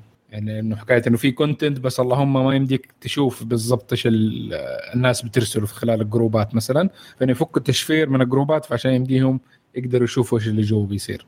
كذا يبغون يذبحون النت. بس. بالضبط. إيه. يا أخي والله هو شوف إحنا نتقدم ولا نرجع ورا؟ هو لا شوف ال section 230 أوكي له عيوب له عيوبه أوكي بس إنه هو اللي بنى النت بالشكل الحالي اللي عارفينه دحين. لو إنهم بيغيروه لشيء أحسن ما في مشكلة. اديني ادينا اعرض لي أشياء ممكن إنها تكون أحسن. بس هذا من بدايته باين إنه ما هو أحسن. يعني هذه مرة إنترنت بوليسي حيكون. فمرة ما حيكون كويس من الناحية الإبداعية ولا حكايه إنه حرية للشركات انها يمديها على الأقل انها ما تتورط بأشياء قضائية زي كذا. كل واحد كساحة حيكون خايف وأي واحد صغير يخاف إنه يطلع لأنه حيكون آه، ال resource عليه عالي. يعني أنت لما تكون مثلا آه، شركة صغيرة دوبها طالع عندها برنامج مثلا نقول زي تيك توك ولا شيء في البدايات لو إنه في أي واحد غلط وانت لساتك شركة كلها 40 موظف ولا شيء ما يمديك تراقب مثلا المستخدمين المليون لما مثلا يصير عندك مليون مستخدم. تخيل انك تراقب مليون مستخدم مين اللي يقدر يسوي الشيء ده؟ شوي لج... تعال آه. هذا الرجال قال شيء الأسبوع الماضي قفل تطبيقك حتى ما مديه بز- بالضبط ويرفعوا عليه قضايا وفلوس وهذا انت تقول لي يا أبو عمي بعدني عن موضوع الأشياء السوشيال ميديا وال- والأشياء اللي ممكن الناس يمديها تحط فيها كونتنت من نفسهم. كده بيقلبوها جريدة أكثر جريده إنه انها يمديها تحاسب على الكلام اللي بتقوله لأنه يعني إلى حد ما. والله ما دام يشوفون الشركات والخصوصية والسرقات وال... والاستغلال هذا يفكرون يروحون شيء ثاني. ما علينا. هو كله من دونالد ترامب زعلان. يا عمي. زعلان من تويتر. لا ليش يحطون انه كذاب؟ ليش طلعوا كذاب؟ ما علينا على على سالفة دونالد ترامب ترى الحين وصلنا إحنا الأسبوع ال 13 عن آه، الموعد اللي هو قال قال انه حيكون في آه، موقع الواحد يقدر يشيك على وين يقدر يفحص آه، كوفيد 19 إلى الآن ما صار شيء. طيب على سالفة إيه الموقع هذا كان مع بالتعاون مع جوجل على سالفة جوجل في خبر عندك سريع عن جوجل يا عبد الله؟ أي جوجل آه، آه، في ميزة عندهم آه، في حسابات جوجل آه، تقدر بكل بساطة إنك تحذف أو تحط خيار إنه يخليه يحذف كل ال history على والبيانات اللي يجمعونها عنك. طبعا على حسب قولهم إنهم إنك إنها تنحذف. المهم آه، الثلاث خيارات اللي موجودة في حساب جوجل كانت آه، إنها تنحذف بعد ثلاثة اشهر أو 18 شهر وفي خيار إنه ما يحذفها ابدا. آه، اللي سوتها جوجل بآخر فترة انها فعلت الخيار تخليه إنك أنت بحيث أول ما تفتح حساب جديد آه، راح يكون خيار إنها تنحذف ع- بعد ثلاثة آه، إنها ما تنحذف ابدا. آه، فهذا اللي سوته قبل اللي يبغى يغيره يروح يدخل الإعدادات يغيرها ويخليها بعد ثلاثة شهور أو س- 18 شهر أو يخليها تنحذف آه، على طول. ما بحيث إنه ما يجمعون بيانات عنك. وأحسه كلام فاضي ما في فرق يعني. كلهم نفس الشيء راح يجمعون البيانات. حيجمع. عندهم ثلاث أشهر وقت كافي هذا. هذا حق هذا حق قسم المحاماة عندهم بس يعني علشان يحمون نفسهم. الخبر اللي بعده والله ما مدانا بس بس ثلاث أشهر بس اللي قاعد. ما مدانا نجمع أي شيء. ممكن نحتاج ثلاث ثواني أصلا. أوكي. الخبر اللي بعده راح يكون آه، طلع تسريبات بخصوص اللي هو آه، الاندرويد الجديد. راح آه، مع تحديث آه، راح ينزل فيه تحديث آه، على آه، تطبيق الهاتف على أجهزة البكسل آه، بحيث أنه يعلمك مين المتصل آه، إذا كانت شركة أو فرد. فتقريبا كأنه caller ID يعني يطلع لك آه، مين الم- المتصل وراح يحطون عليه option زيادة بحيث إنهم يتفق- يتفقون مع الشركات اللي داخل أمريكا. بس الأغلب راح يكون شغال في أمريكا وفي المدن الدول الكبيرة. إن مثلا لو اتصلوا عليك شركة ال STC أو شركة الاتصالات انك تقدر تختار تعطينا الخبر تعطينا خبر آه، سبب الاتصال وراح يطلع لك انت قبل ما ترد. بحيث إنه لو جايك اتصال من عندهم إنه راح يتصلون فيك إنك آه، عشان تدفع المديونية مثلا. هم يطلع لك مديونيه آه، طنشهم يطلع لك انه دقين عليك علشان يبغون فلوسهم. الفكرة فلا ترد عليهم. هذا هذه فكرة الميزة اللي راح يضيفونها. حلو. طيب حلو.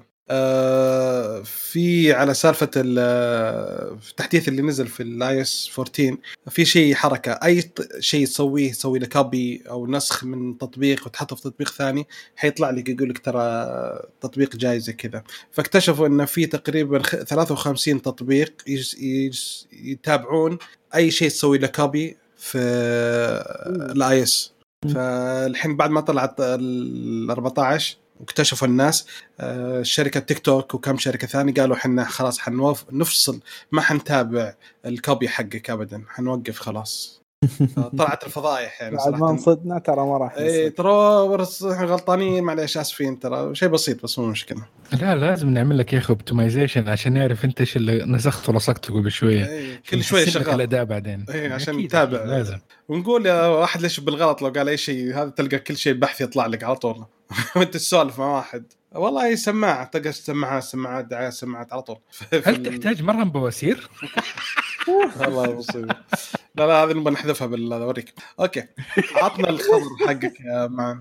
طيب آه أنت انكفشت في حكاية إنها كانت بتدي آه دعايات موجهة لل مو دعاية زي محاضرة موجهة للبائعين والريتيل سيلرز آه في أمريكا بخصوص إنه الأداء حقها مقارنة باي ام دي ففي كمية آه سلايدات فيها أشياء آه مغلوطة كانت مرة كثير حاطين ف- زايدين ها؟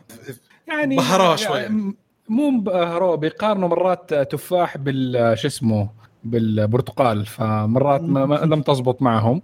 آه مثلا من ناحية إنه لما قارنوا ال laptopات قارنوا أوكي آه اثنين نفس الشيء من ناحية إنهم 8 core آه processors آه موجودين في laptopين مختلفة.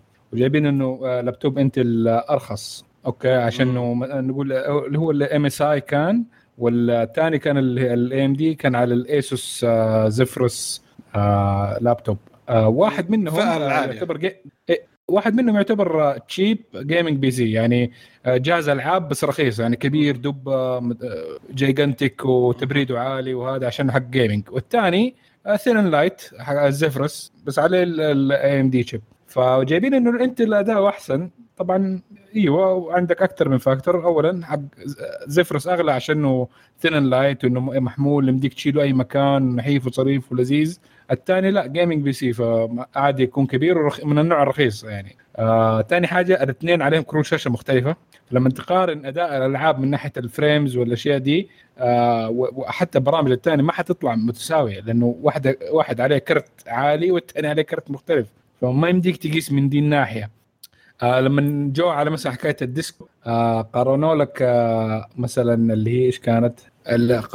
لك اللي هو ال i7 9700K وال 9300 وال AMD 9 آه، 3950X. ال i7 يعتبر آه، 8 core بدون hyper threading بدون آه، ال hyper threading بالعربي threads hyper threads الضفاير ضفائر ترجمه حرفية. لا لا لا لا. ال cores ال... ال... الافتراضية. الافتراضية. خذها hyper كويس. ضفائر طيب المهم المهم ال ال ال 950X يعتبر 16 core آه، زائد آه، 16 thread فكلها 32 تعتبر. آه، والثاني 8 core بس لحالها. فجايبين إنه ال Intel أداؤه أعلى. وطبعا ذاك ب 750 دولار والثاني ب 385 دولار. ففي فرق جامد في السعر والأداء مخ... يعني يتراوح بين 18% في بعض ال- الألعاب والاشياء ل 4% الفكرة في الموضوع إنه AMD يعني ما حد حيشتري ال 3950X عشان بس يلعب ألعاب. ال 16 core في AMD الترتيب حقهم في ال processorات تعتبر بال coreات. فنفس ال- ال core موجود في مثلا الثمانية core الثاني اللي حق AMD اللي هو أرخص منه بكثير هي نفسها نفس ال clocks نفس كل شيء. فلو قارنته بده- بديك الساعة مع ال Intel حيكون نفس الأداء لأنها ما اختلفت ال coreات لأنه الألعاب عادة ما تستخدم ال 16 ولا 32 core كلها فحيكون نفس الأداء أرخص أبرد ويستهلك طاقة أقل. بس ال 300 و آه، آه، 3950X هذه الأشياء تاني غير الألعاب. ويمديك تلعب بيه وحيكون أداؤه زي بقية ال- range من ناحية ال performance من ناحية الأداء. بس اللهم إذا تب- تبغى أشياء تانية تسويها غير ال gaming ال 3950X حيكون جدا خرافي فيها وانت ما عنده شيء يقدر يواجهه من دي الناحية. برضو من ناحية ال desktop من ناحية اللي هي ال CPات الرخيصة قارنوا لك آه، اللي هو ال Ryzen 5 3400G آه، اللي هو يكون فيه معاه برضو معالج آه، صور آه، 136 دولار زائد مقارنه ب Intel Core i3 9100F اللي يعتبر أربع core أربع threads بس حطوا معاه GPU. بيقول لك إنه هذا ب 213 هذاك 236 وهذاك أقوى. ف برضه ما ينفع تقارن زي كذا لأنه في برضه 3000 خ- يعني في واحد برضه من آه، آه، ال CPات حقت Ryzen عليه GPU أقوى إذا تبغى إنه integrated أو إنك إنك تاخذ واحد مثلا زي ال 1600AF وتحط عليه نفس الكرت الشاشه فيطلع الاداء احسن بكثير من ال i3 فملخبطين الهرجه بس عشان يقدروا يحاولوا بأي طريقة إنهم يبينوا Intel أحسن. في ناس المشكلة يعني مو مد عارفين انه في ناس يتابعون في ناس شغلتهم يقعدون كذا يدورون يبحثون. هي تلاقي كانت ال slideات وحيندموا طيب. okay آه ننتقل الخبر اللي بعده معليش. آه في صارت Netflix Netflix آه فيسبوك خلال الفترة الماضية صار في شوية مشاكل انه ما قدرت تتحكم في بعض حملات الكراهية في التطبيق خصوصا في دعايات الانتخابات الأمريكية. أحد الدعايات قالت إن الطرف الثاني يمثل النازية فيعني كان في شيء مهما يكن يعني ما تقدر تقول على منافسك إنك نازي. مصيبه في ففي كثير من الشركات زعلوا وهددوا إنهم يوقفون الدعايات في فيسبوك.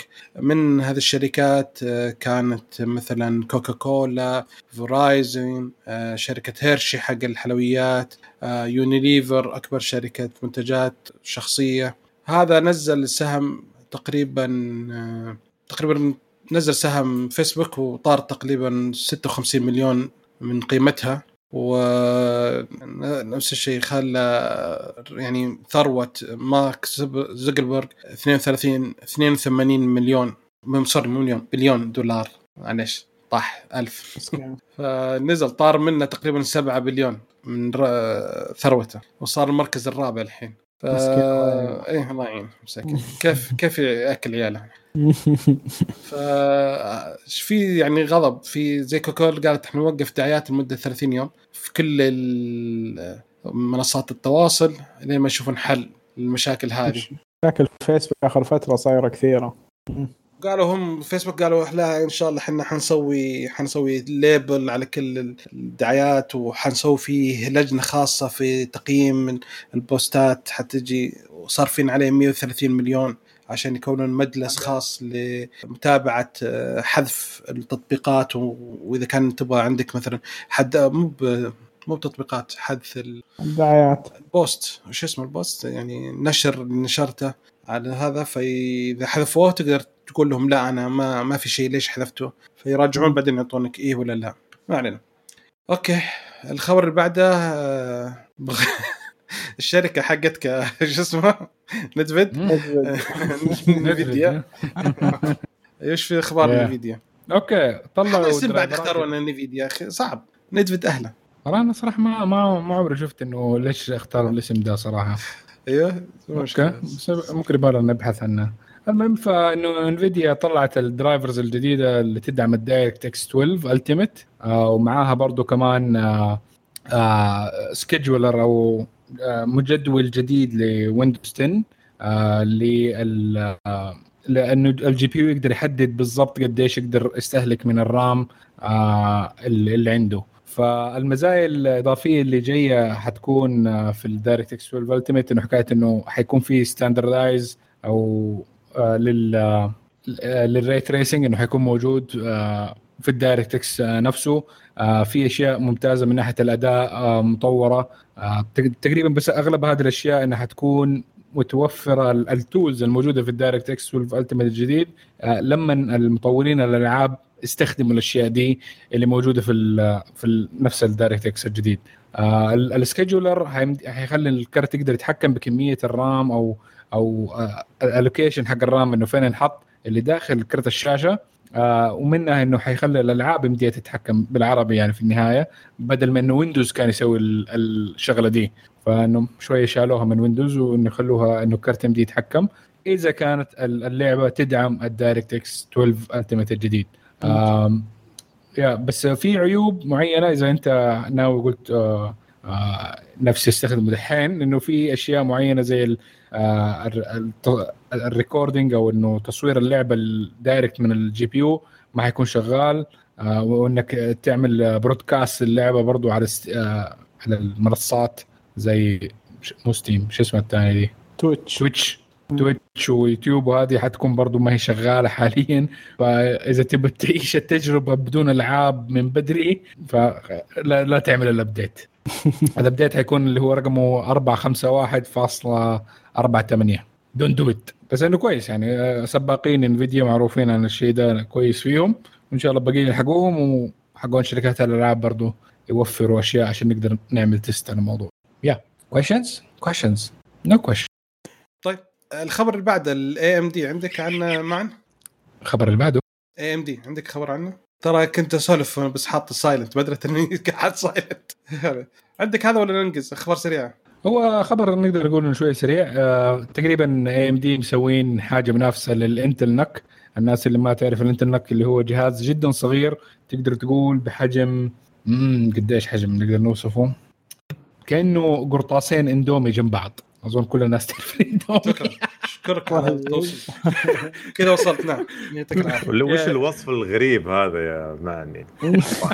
ما ما أدري قاعد أفكر مرة. في- في الحجم ده ماني ماني قاعد- ماني ملاقي أي شيء في الغرفة غير الاندومي نقدر نخليه مثلا حجم مثلا خلينا نقول جوال iPhone آه، لا 11 لا أكبر شوية لا لا أكبر يا أوه مرة لا لا.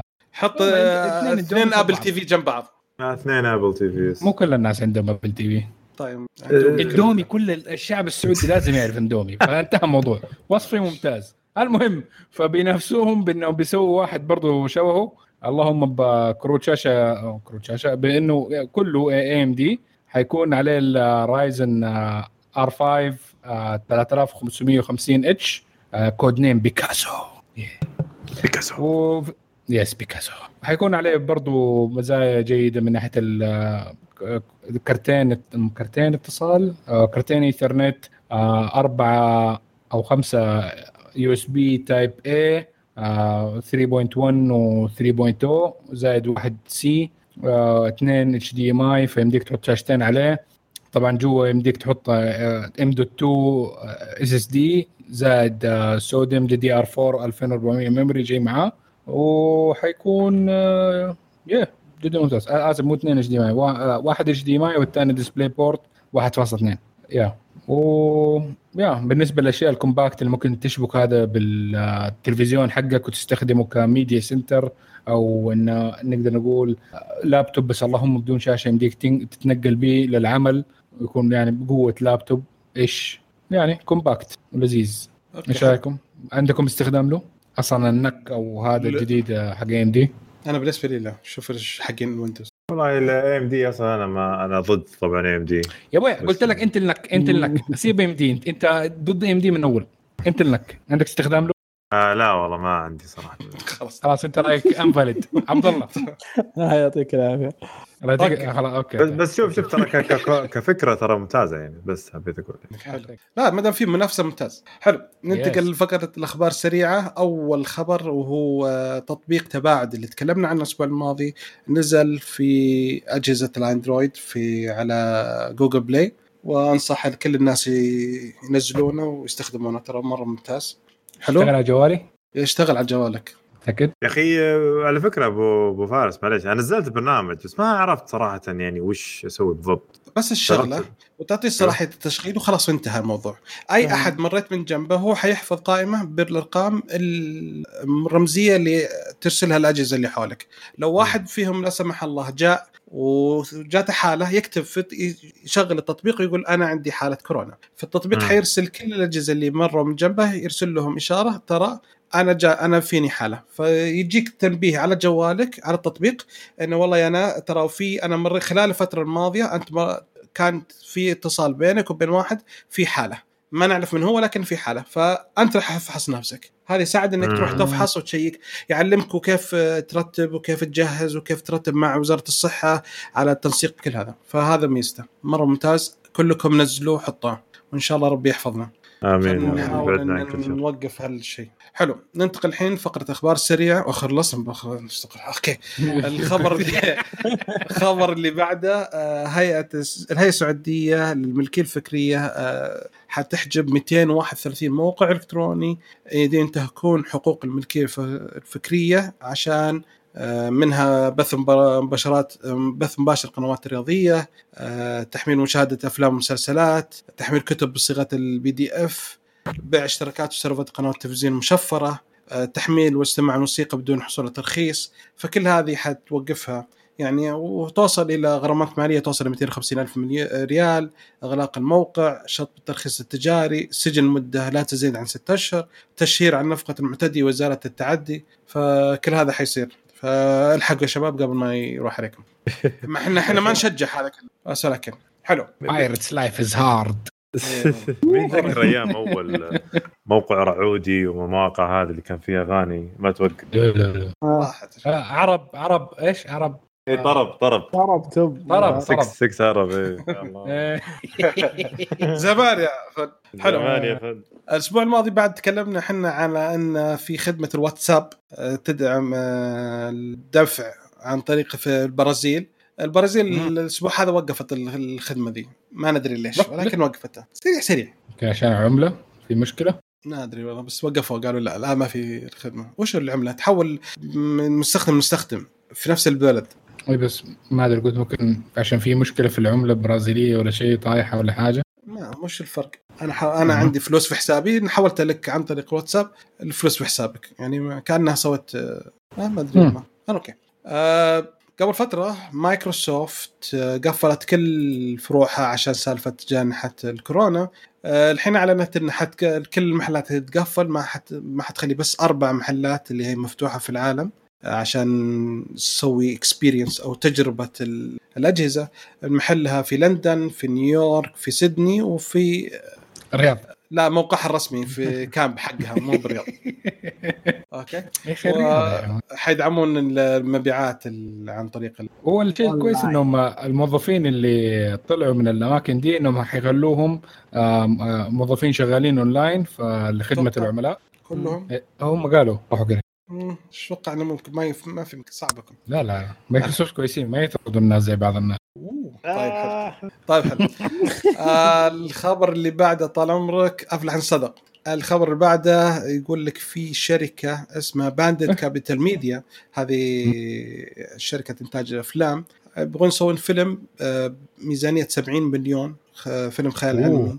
وحيستخدمون آه، ممثل آه، الروبوت الذكاء الصناعي عشان. يمثل البطوله في الفيلم. the Her بس actual بس حيكون في آلة شغالة هي تتكلم. طبعا لأنه لأنه ال AI زعل وقال احتاج representation يعني ليش تخلي إيه. ممثل حقيقي يمثل عني؟ وأنا موجود. يعني ترى- سكارلت جوهانسون تاخذ كل الأدوار؟ ترى في في شوية عبط صار في الفترة الماضية بشكل غير طبيعي. يعني سالفة ليش الممثل يمثل عشان دور غير دوره يعني إيش الهبل الزايد؟ يعني أنا أتخيل واحد ممثل واحد ممثل يجي يمثل دور إنه مقعد يقول ليش يمثل هو؟ ليش ما يجي شخص مقعد هذا لو جاب شخص مقعد يصير ما يمثل جالس يتكلم حقيقي مو بمثل يمثل فرق عن أنا التمثيل شوف أنا أنا مع حقون اللي بيقولوا إنه حكاية. إنه أوكي. لا لا ال representation okay. إنه مثلا شوف مرات لما نقتلوا character من ناحية إنه آه مثلا نقدر نقول إنه الشخصية تاريخية كانت من عرق معين جنس معين ويغيروها مرات ما تكون حلوة يعني. بس هي في النهاية من ناحية ال art form إنه يمديك تغير الأشياء دي. في ال art يمديك. بس مرات لما إنك بس تغير على الشخصية دي وتسيب البقية تطلع بايخة. من ناحية حكاية إنه آه الاختلاف من ناحية إنه إذا كان التمثيل التمثيل من ناحية إنه التمثيل يعني ميزة التمثيل إنه هو تمثيل. أنا عارف. قدره الممثل إنه يقدر يتقمص okay. شيء ثاني ما هو okay. هو يعني لو جبت واحد جنوبي يمثل إنه من حقون جدة. okay؟ من من الجنوب يمثل من حقون جدة. هذه range هذا شيء يعني كويس. يعني صح إنه okay ما هو واحد من جدة مثل إنه واحد من جدة بس range يعني زي فؤاد okay، هذا صح. 13 بس أنا الحين تجيب لي. تجيب لي مثلا آه، وحدة سمراء من أفريقيا من أصول إفريقية تمثل دور ملكة بريطانية في القرن ال 16 مدري القرن ال 15 معليش آسف عدد السمر في. بريطانيا ذاك الوقت كان مرة قليل لا لا لا لا لو يتسهبلوا غيروا. كل لو غيروا كل ال cast وعكسوها هاي إنه خلوا كل إيه، ما عندي مشكلة. بيض خلوهم كلهم. يصير art يعني فاهم art selection أنا عارف. مختلف. بس ان يغيرون البطلة هي واحدة يحطونها هي وكل اللي حولها بريطانيين بيض ويحطون الملكة حقتهم سمراء. ما معلش هذا غلط. هذا زي- زي هبل. Ghost in the Shell لما حطوا سكارلت جوهانسون المفروض الشخصية يابانية حطوها ممثلة بيضاء. بس هي. يمديك أنا أنا ما عندي. مشكلة. أنا أقدر أمشيها لهم. أقول آلة ال- ال- شوف الأنمي. كل عيونهم كوش كبره كبار. مو مثل اليابانيين. ليش قالوا غلط؟ هم هذه art form ما حط ما علينا خلينا نرجع. ترى شطحنا عن أفلام أنا بسجل حلقة بالأفلام متهاوش معاهم في الموضوع ذا ما علينا. okay. آخر خبر طال عمرك على سالفة الدنيا متكهربة الدنيا متكهربة الحين آه، في مشكلة بين الهند والصين وصار في إطلاق نار وصار في مشاكل الله يستر. أكبر دول أكثر أكبر أكثر الدولتين في العالم من ناحية السكان لو يتهاوشون يعني ثلث العالم يتهاوشون مص- مصيبة. فصار في ردة فعل قوية في الهند ضد أي شيء ضد صيني منتجات صينية. بدأوا يأخذون تلفزيوناتهم اللي في بيتهم يكسرونها. okay حلو. كويس مع إنه بيتك بس مو مشكلة. فهواوي قالت للشركات كلها وكلائها حطوا لوحة على الدعاية الرسمية اللي مكتوب هواوي اكتب صنع في الهند فقط. بس مكتوب لوحة made in India فقط مو ولا شيء ثاني. فعشان لا حد يجيب العيد. يصير جوالات. إيه، بس مكتوب صنع في في الهند. تدخل جوا تلقى هواوي كلها. ما علينا. بس okay. هل هي صنعت في الهند؟ ممكن إيه. مجمع في الهند ولا شيء؟ made in India خلاص يعتبر تجميع. إيه okay. كل يعني عندهم مصنع في الهواوي عندهم مصنع في الهند. فينزلون بعد في جوالات خاصة في الهند ما تنزل في مكان ثاني. عقبالنا إن شاء الله. okay ننتقل فقرة التسريبات. أول تسريب عند عبد الله. أيوه عندنا ما أدري مين مزعل أبل وناوية بالايفون آه، 12 راح تنزل آه، آه، أربع نسخ من الجهاز. مو نسخة مختلفة غير إنها الكبير والصغير. راح يكون في نسختين أو نسخة من ال- النسخ تكون آه، ما في سماعة وما في شاحن داخل علبة آه، الجهاز. راح تشتري جوال تفتح الكرتون ما في له جوال. لا سماعة ولا شاحن ولا حتى كيبل. أنا بالنسبة النسخة ما في. سماعة أنا أقول لك okay مع ممكن عشان يخلونك تاخذ آه، شو اسمه؟ AirPods تاخذ AirPods بس ما في شاحن مصيبة. مصيبة بالنسبة للشاحن. صعب والله مرة. طيب الفكرة إنها بتكون وش يعني؟ لا مثلا أحتاج. تكون النسخة هذه ب 800 دولار والنسخة اللي ب... اللي يكون فيها الشاحن ويكون فيها أو النسخة العادية تكون ب 1000 دولار. أنا بشوف الموضوع منطقي إذا كانت النسخة آه، أقل من أقل أقل من النسخة آه، نسخة السنة السنة الماضية بحيث إن الآيفون 11 Pro نزل قول ب 1000 دولار. راح تكون النسخة هذه ب 800 دولار. والله منطقية مثلا لو أنا عندي ايفون already وبسوي upgrade فالشاحن عندي موجود السماعة عندي عندي 6000 موجودة. شاحن ما أبغى منه فيمكن إيه إذا بس بوفر السعر ما عندي مشكلة. لو بتكون أرخص بحيث إنك أنت ما راح تستفيد منها فهمت الفكرة؟ لو بتكون أرخص. لكن المصيبه لو كان نفس السعر الأساسي اللي هو 1000 دولار هذه مصيبة. بس برضو مو بعايزين على سلك شاحن أقلها يعني. إذا نزلوا 200 دولار على سعر شاحن أنا موافق. ما عندي مشكلة بس خذوه مستحيل 200 دولار. لكن أنا ما أنا- عندي مشكلة. أنا معاهم لو سووا الحركة هذه okay. أشوفها طيب يلا مع الخبر الأخير. آه ال ASUS ROG Phone 3 آه ز- زي أخوه اللي قبله ROG 2 كان في شراكة بينه وبين شركة صينية اسمها Tencent حقت ألعاب اللي سووا Call of Duty Online في الصين. آه هم نزلوا أول نسخة من ال ROG Phone 2 أول آه آه نسخة شوية أرخص من ال ROG Phone العادي. آه فناويين يجددوا الشراكة دي في ال ROG Phone 3 وحيكون ال announcement حقه في July آه إنه حينزل في السوق. فبما معناه إنه برضو ال- الإصدار حقنا برضو حيكون في فترة قريبة برضو ب July آه نفس الشيء تم تأكيد الموضوع ده لما حكاية إنهم سجلوا ال Wi-Fi band وال والبلوتوث عملوا له certification من ال certification body حقت البلوتوث آه إنه خلاص إنه معناها إنه شهر ولا شيء وحيكون نازل إن شاء الله. إن شاء الله حلو. الله يعطيك العافية. آه. okay. ندخل الفقرة الأخيرة اللي هي فقرة اسأل كشكول تقنية. جاني كم سؤال عن ال iOS فأول شيء إحنا نزلنا آه، حلقة مراجعة للعرض كامل. أنصحكم تروحون تشوفونه. آه، تكلمنا عن كل اللي أعلن عنه. عن iOS 14 عن iPadOS 14 عن watchOS 7 عن إيش بعد؟ tvOS أعتقد بس جو سريع سريع. وتكلمنا عن macOS Big Sur ففي أشياء زي ما قلنا ذكرناها وفي أشياء طلعت بعد ال- مع عرض شوية بعد ما نزلت النسخة التجريبية والشباب بدوا وصار في مقابلة مع Craig Federighi حق آه، البرامج في ابل ففي معلومات طلعت. أول شيء بالنسبة لل iOS 14 الوجت أو اللي حتنزل حتنزل بثلاث في بعضها حتنزل بثلاث أحجام صغير وسط وكبير وفي بعضها بس صغير ووسط. ال- الوجت الصغير ما حي... حيوريك بس معلومة وإذا ضغطته ما تقدر تتفاعل معه تضغطه يشغل لك التطبيق. الوسط الكبير لا تقدر تسوي تتفاعل معه وتسوي بدون ما تشغل تطبيق. حلو؟ في ميزة مرة حلوة نزلت في الجهاز إن النقر من جهاز من خلف مرتين وبثلاث مرات. هذا حلو. مرة حلو. تقدر تحط تبرمج فيه اللي تبيه. مثلا تضغط آه، على مثلا شعار من ورا تضغط مرتين يشتغل لك آه، الكاميرا على طول. آه، ثلاث مرات مثلا يشتغل لك عن طريق إذا استخدمت ال shortcut تقدر مثلا تشغل حتى المساعد الصوتي حق Google Google Assistant. يا أخي يعني. صراحة هذا ممكن أقول كلمة بس أبو فارس. يعني. أخيرا آيفون صار phone صار smart phone يعني. وافق ال- ال- الحياة الطبيعية حاليا يعني في الجوالات. أنا صراحة متحمس السنة هذه بعد ما شفت الإعلانات عنهم وعن الوجز والأشياء والمميزات اللي اللي جاية لل- للجهاز أو لل- للبرنامج نفسه ال iOS 14 تحمست إني آخذ iPhone السنة هذه. يعني كنت كنت ناوي على ال Note بس احتمال يصير عندي جوال ثاني iPhone مثلا جوال عمل زي- أهنيك يا بطل. تعال جد آه. شوية. come to the dark side يعني برتد يا شباب ال Android يعني. نشوف الموضوع بعدين ندرسه بعدين. okay آه في ميزة بعد اللي هو آه بالنسبة للكبار في السن التعرف على الصوت. تقدر تخليه مثلا يتعرف إذا أحد دق جرس إذا في جرس انذار أو زي كذا يطلع لك رسالة. بعضهم ما يسمع بس يقدر يشوف. آه. فإذا كان في صوت عالي أو يتعرف على الصوت يقدر يقول مثلا آه في صوت موية. مثل حنفية ولا شيء. فهذه مرة ممتازة. آه، تقدر تسوي تضيف أجهزة طرف ثالث في البحث حق ال Find My تعرف اللي في ميزة حلوة مرة إنك تقدر تلقى الأجهزة حقت Apple في أي مكان. فتقدر مثلا تحط آه، مثلا تطبيقات ثانية زي تطبيق زي كروت Tile حق آه، الرقع اللي تعرف آه، موقع. في موجود الحين شركة اسمها Tile آه، تحط آه، تشتري قطعة كذا وتحطها مثلا مفاتيحك فتعرف وين مكانها. فعن طريق الجوال.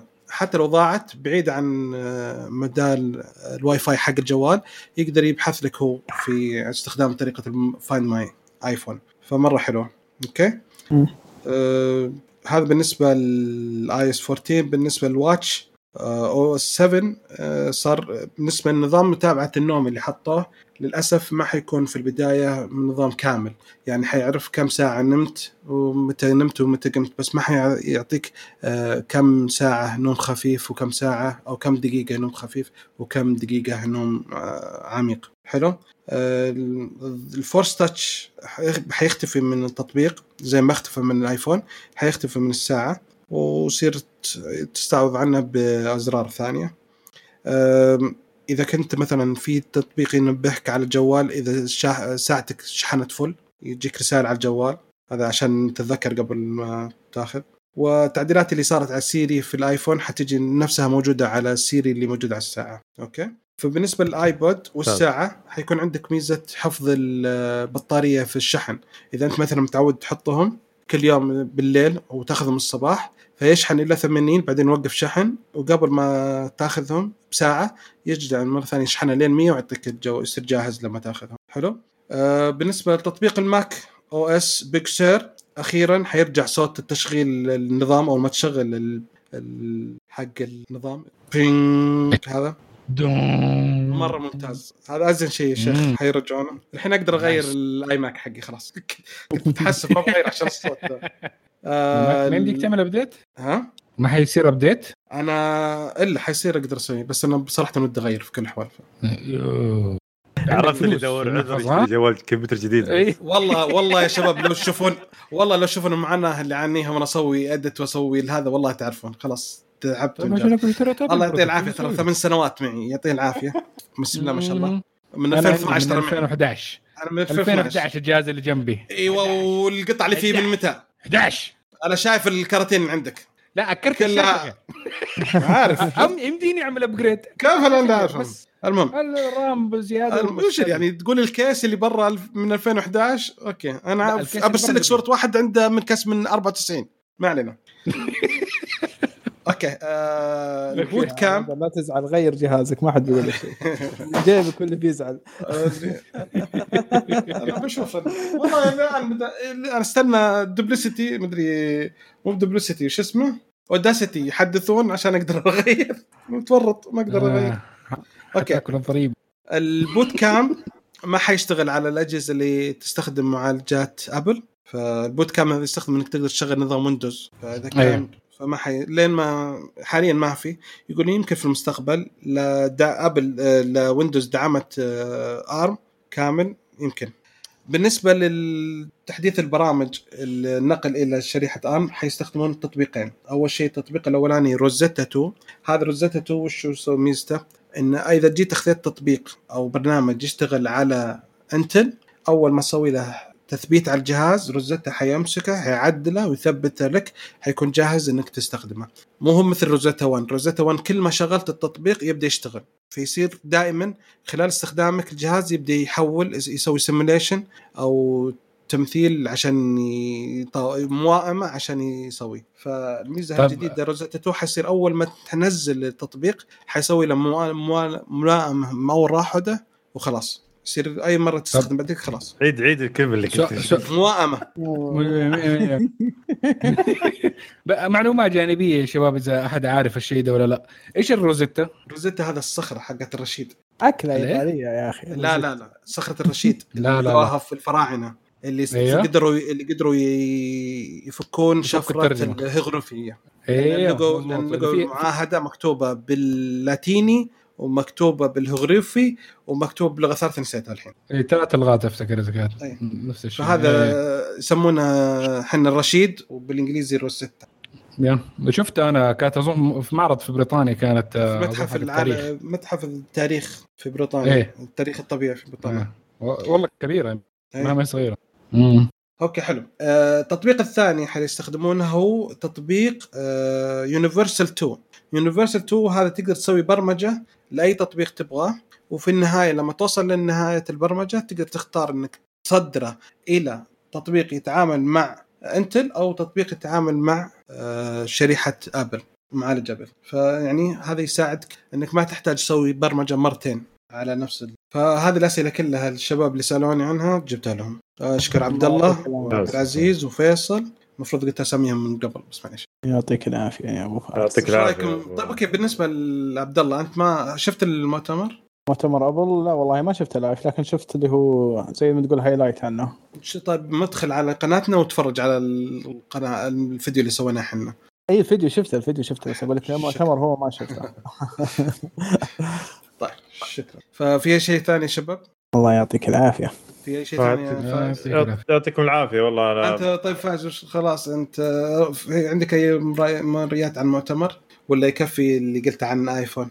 الآيف- ال iPhone أشوف إنه يكفي. آه، طبعا لا ال OS نفسه آه، يعني زي ما قلت أنت خلاني حمسني وخاصة صاير أنا هاليومين أشتغل مع موظفين مع ال graphic designer العمل.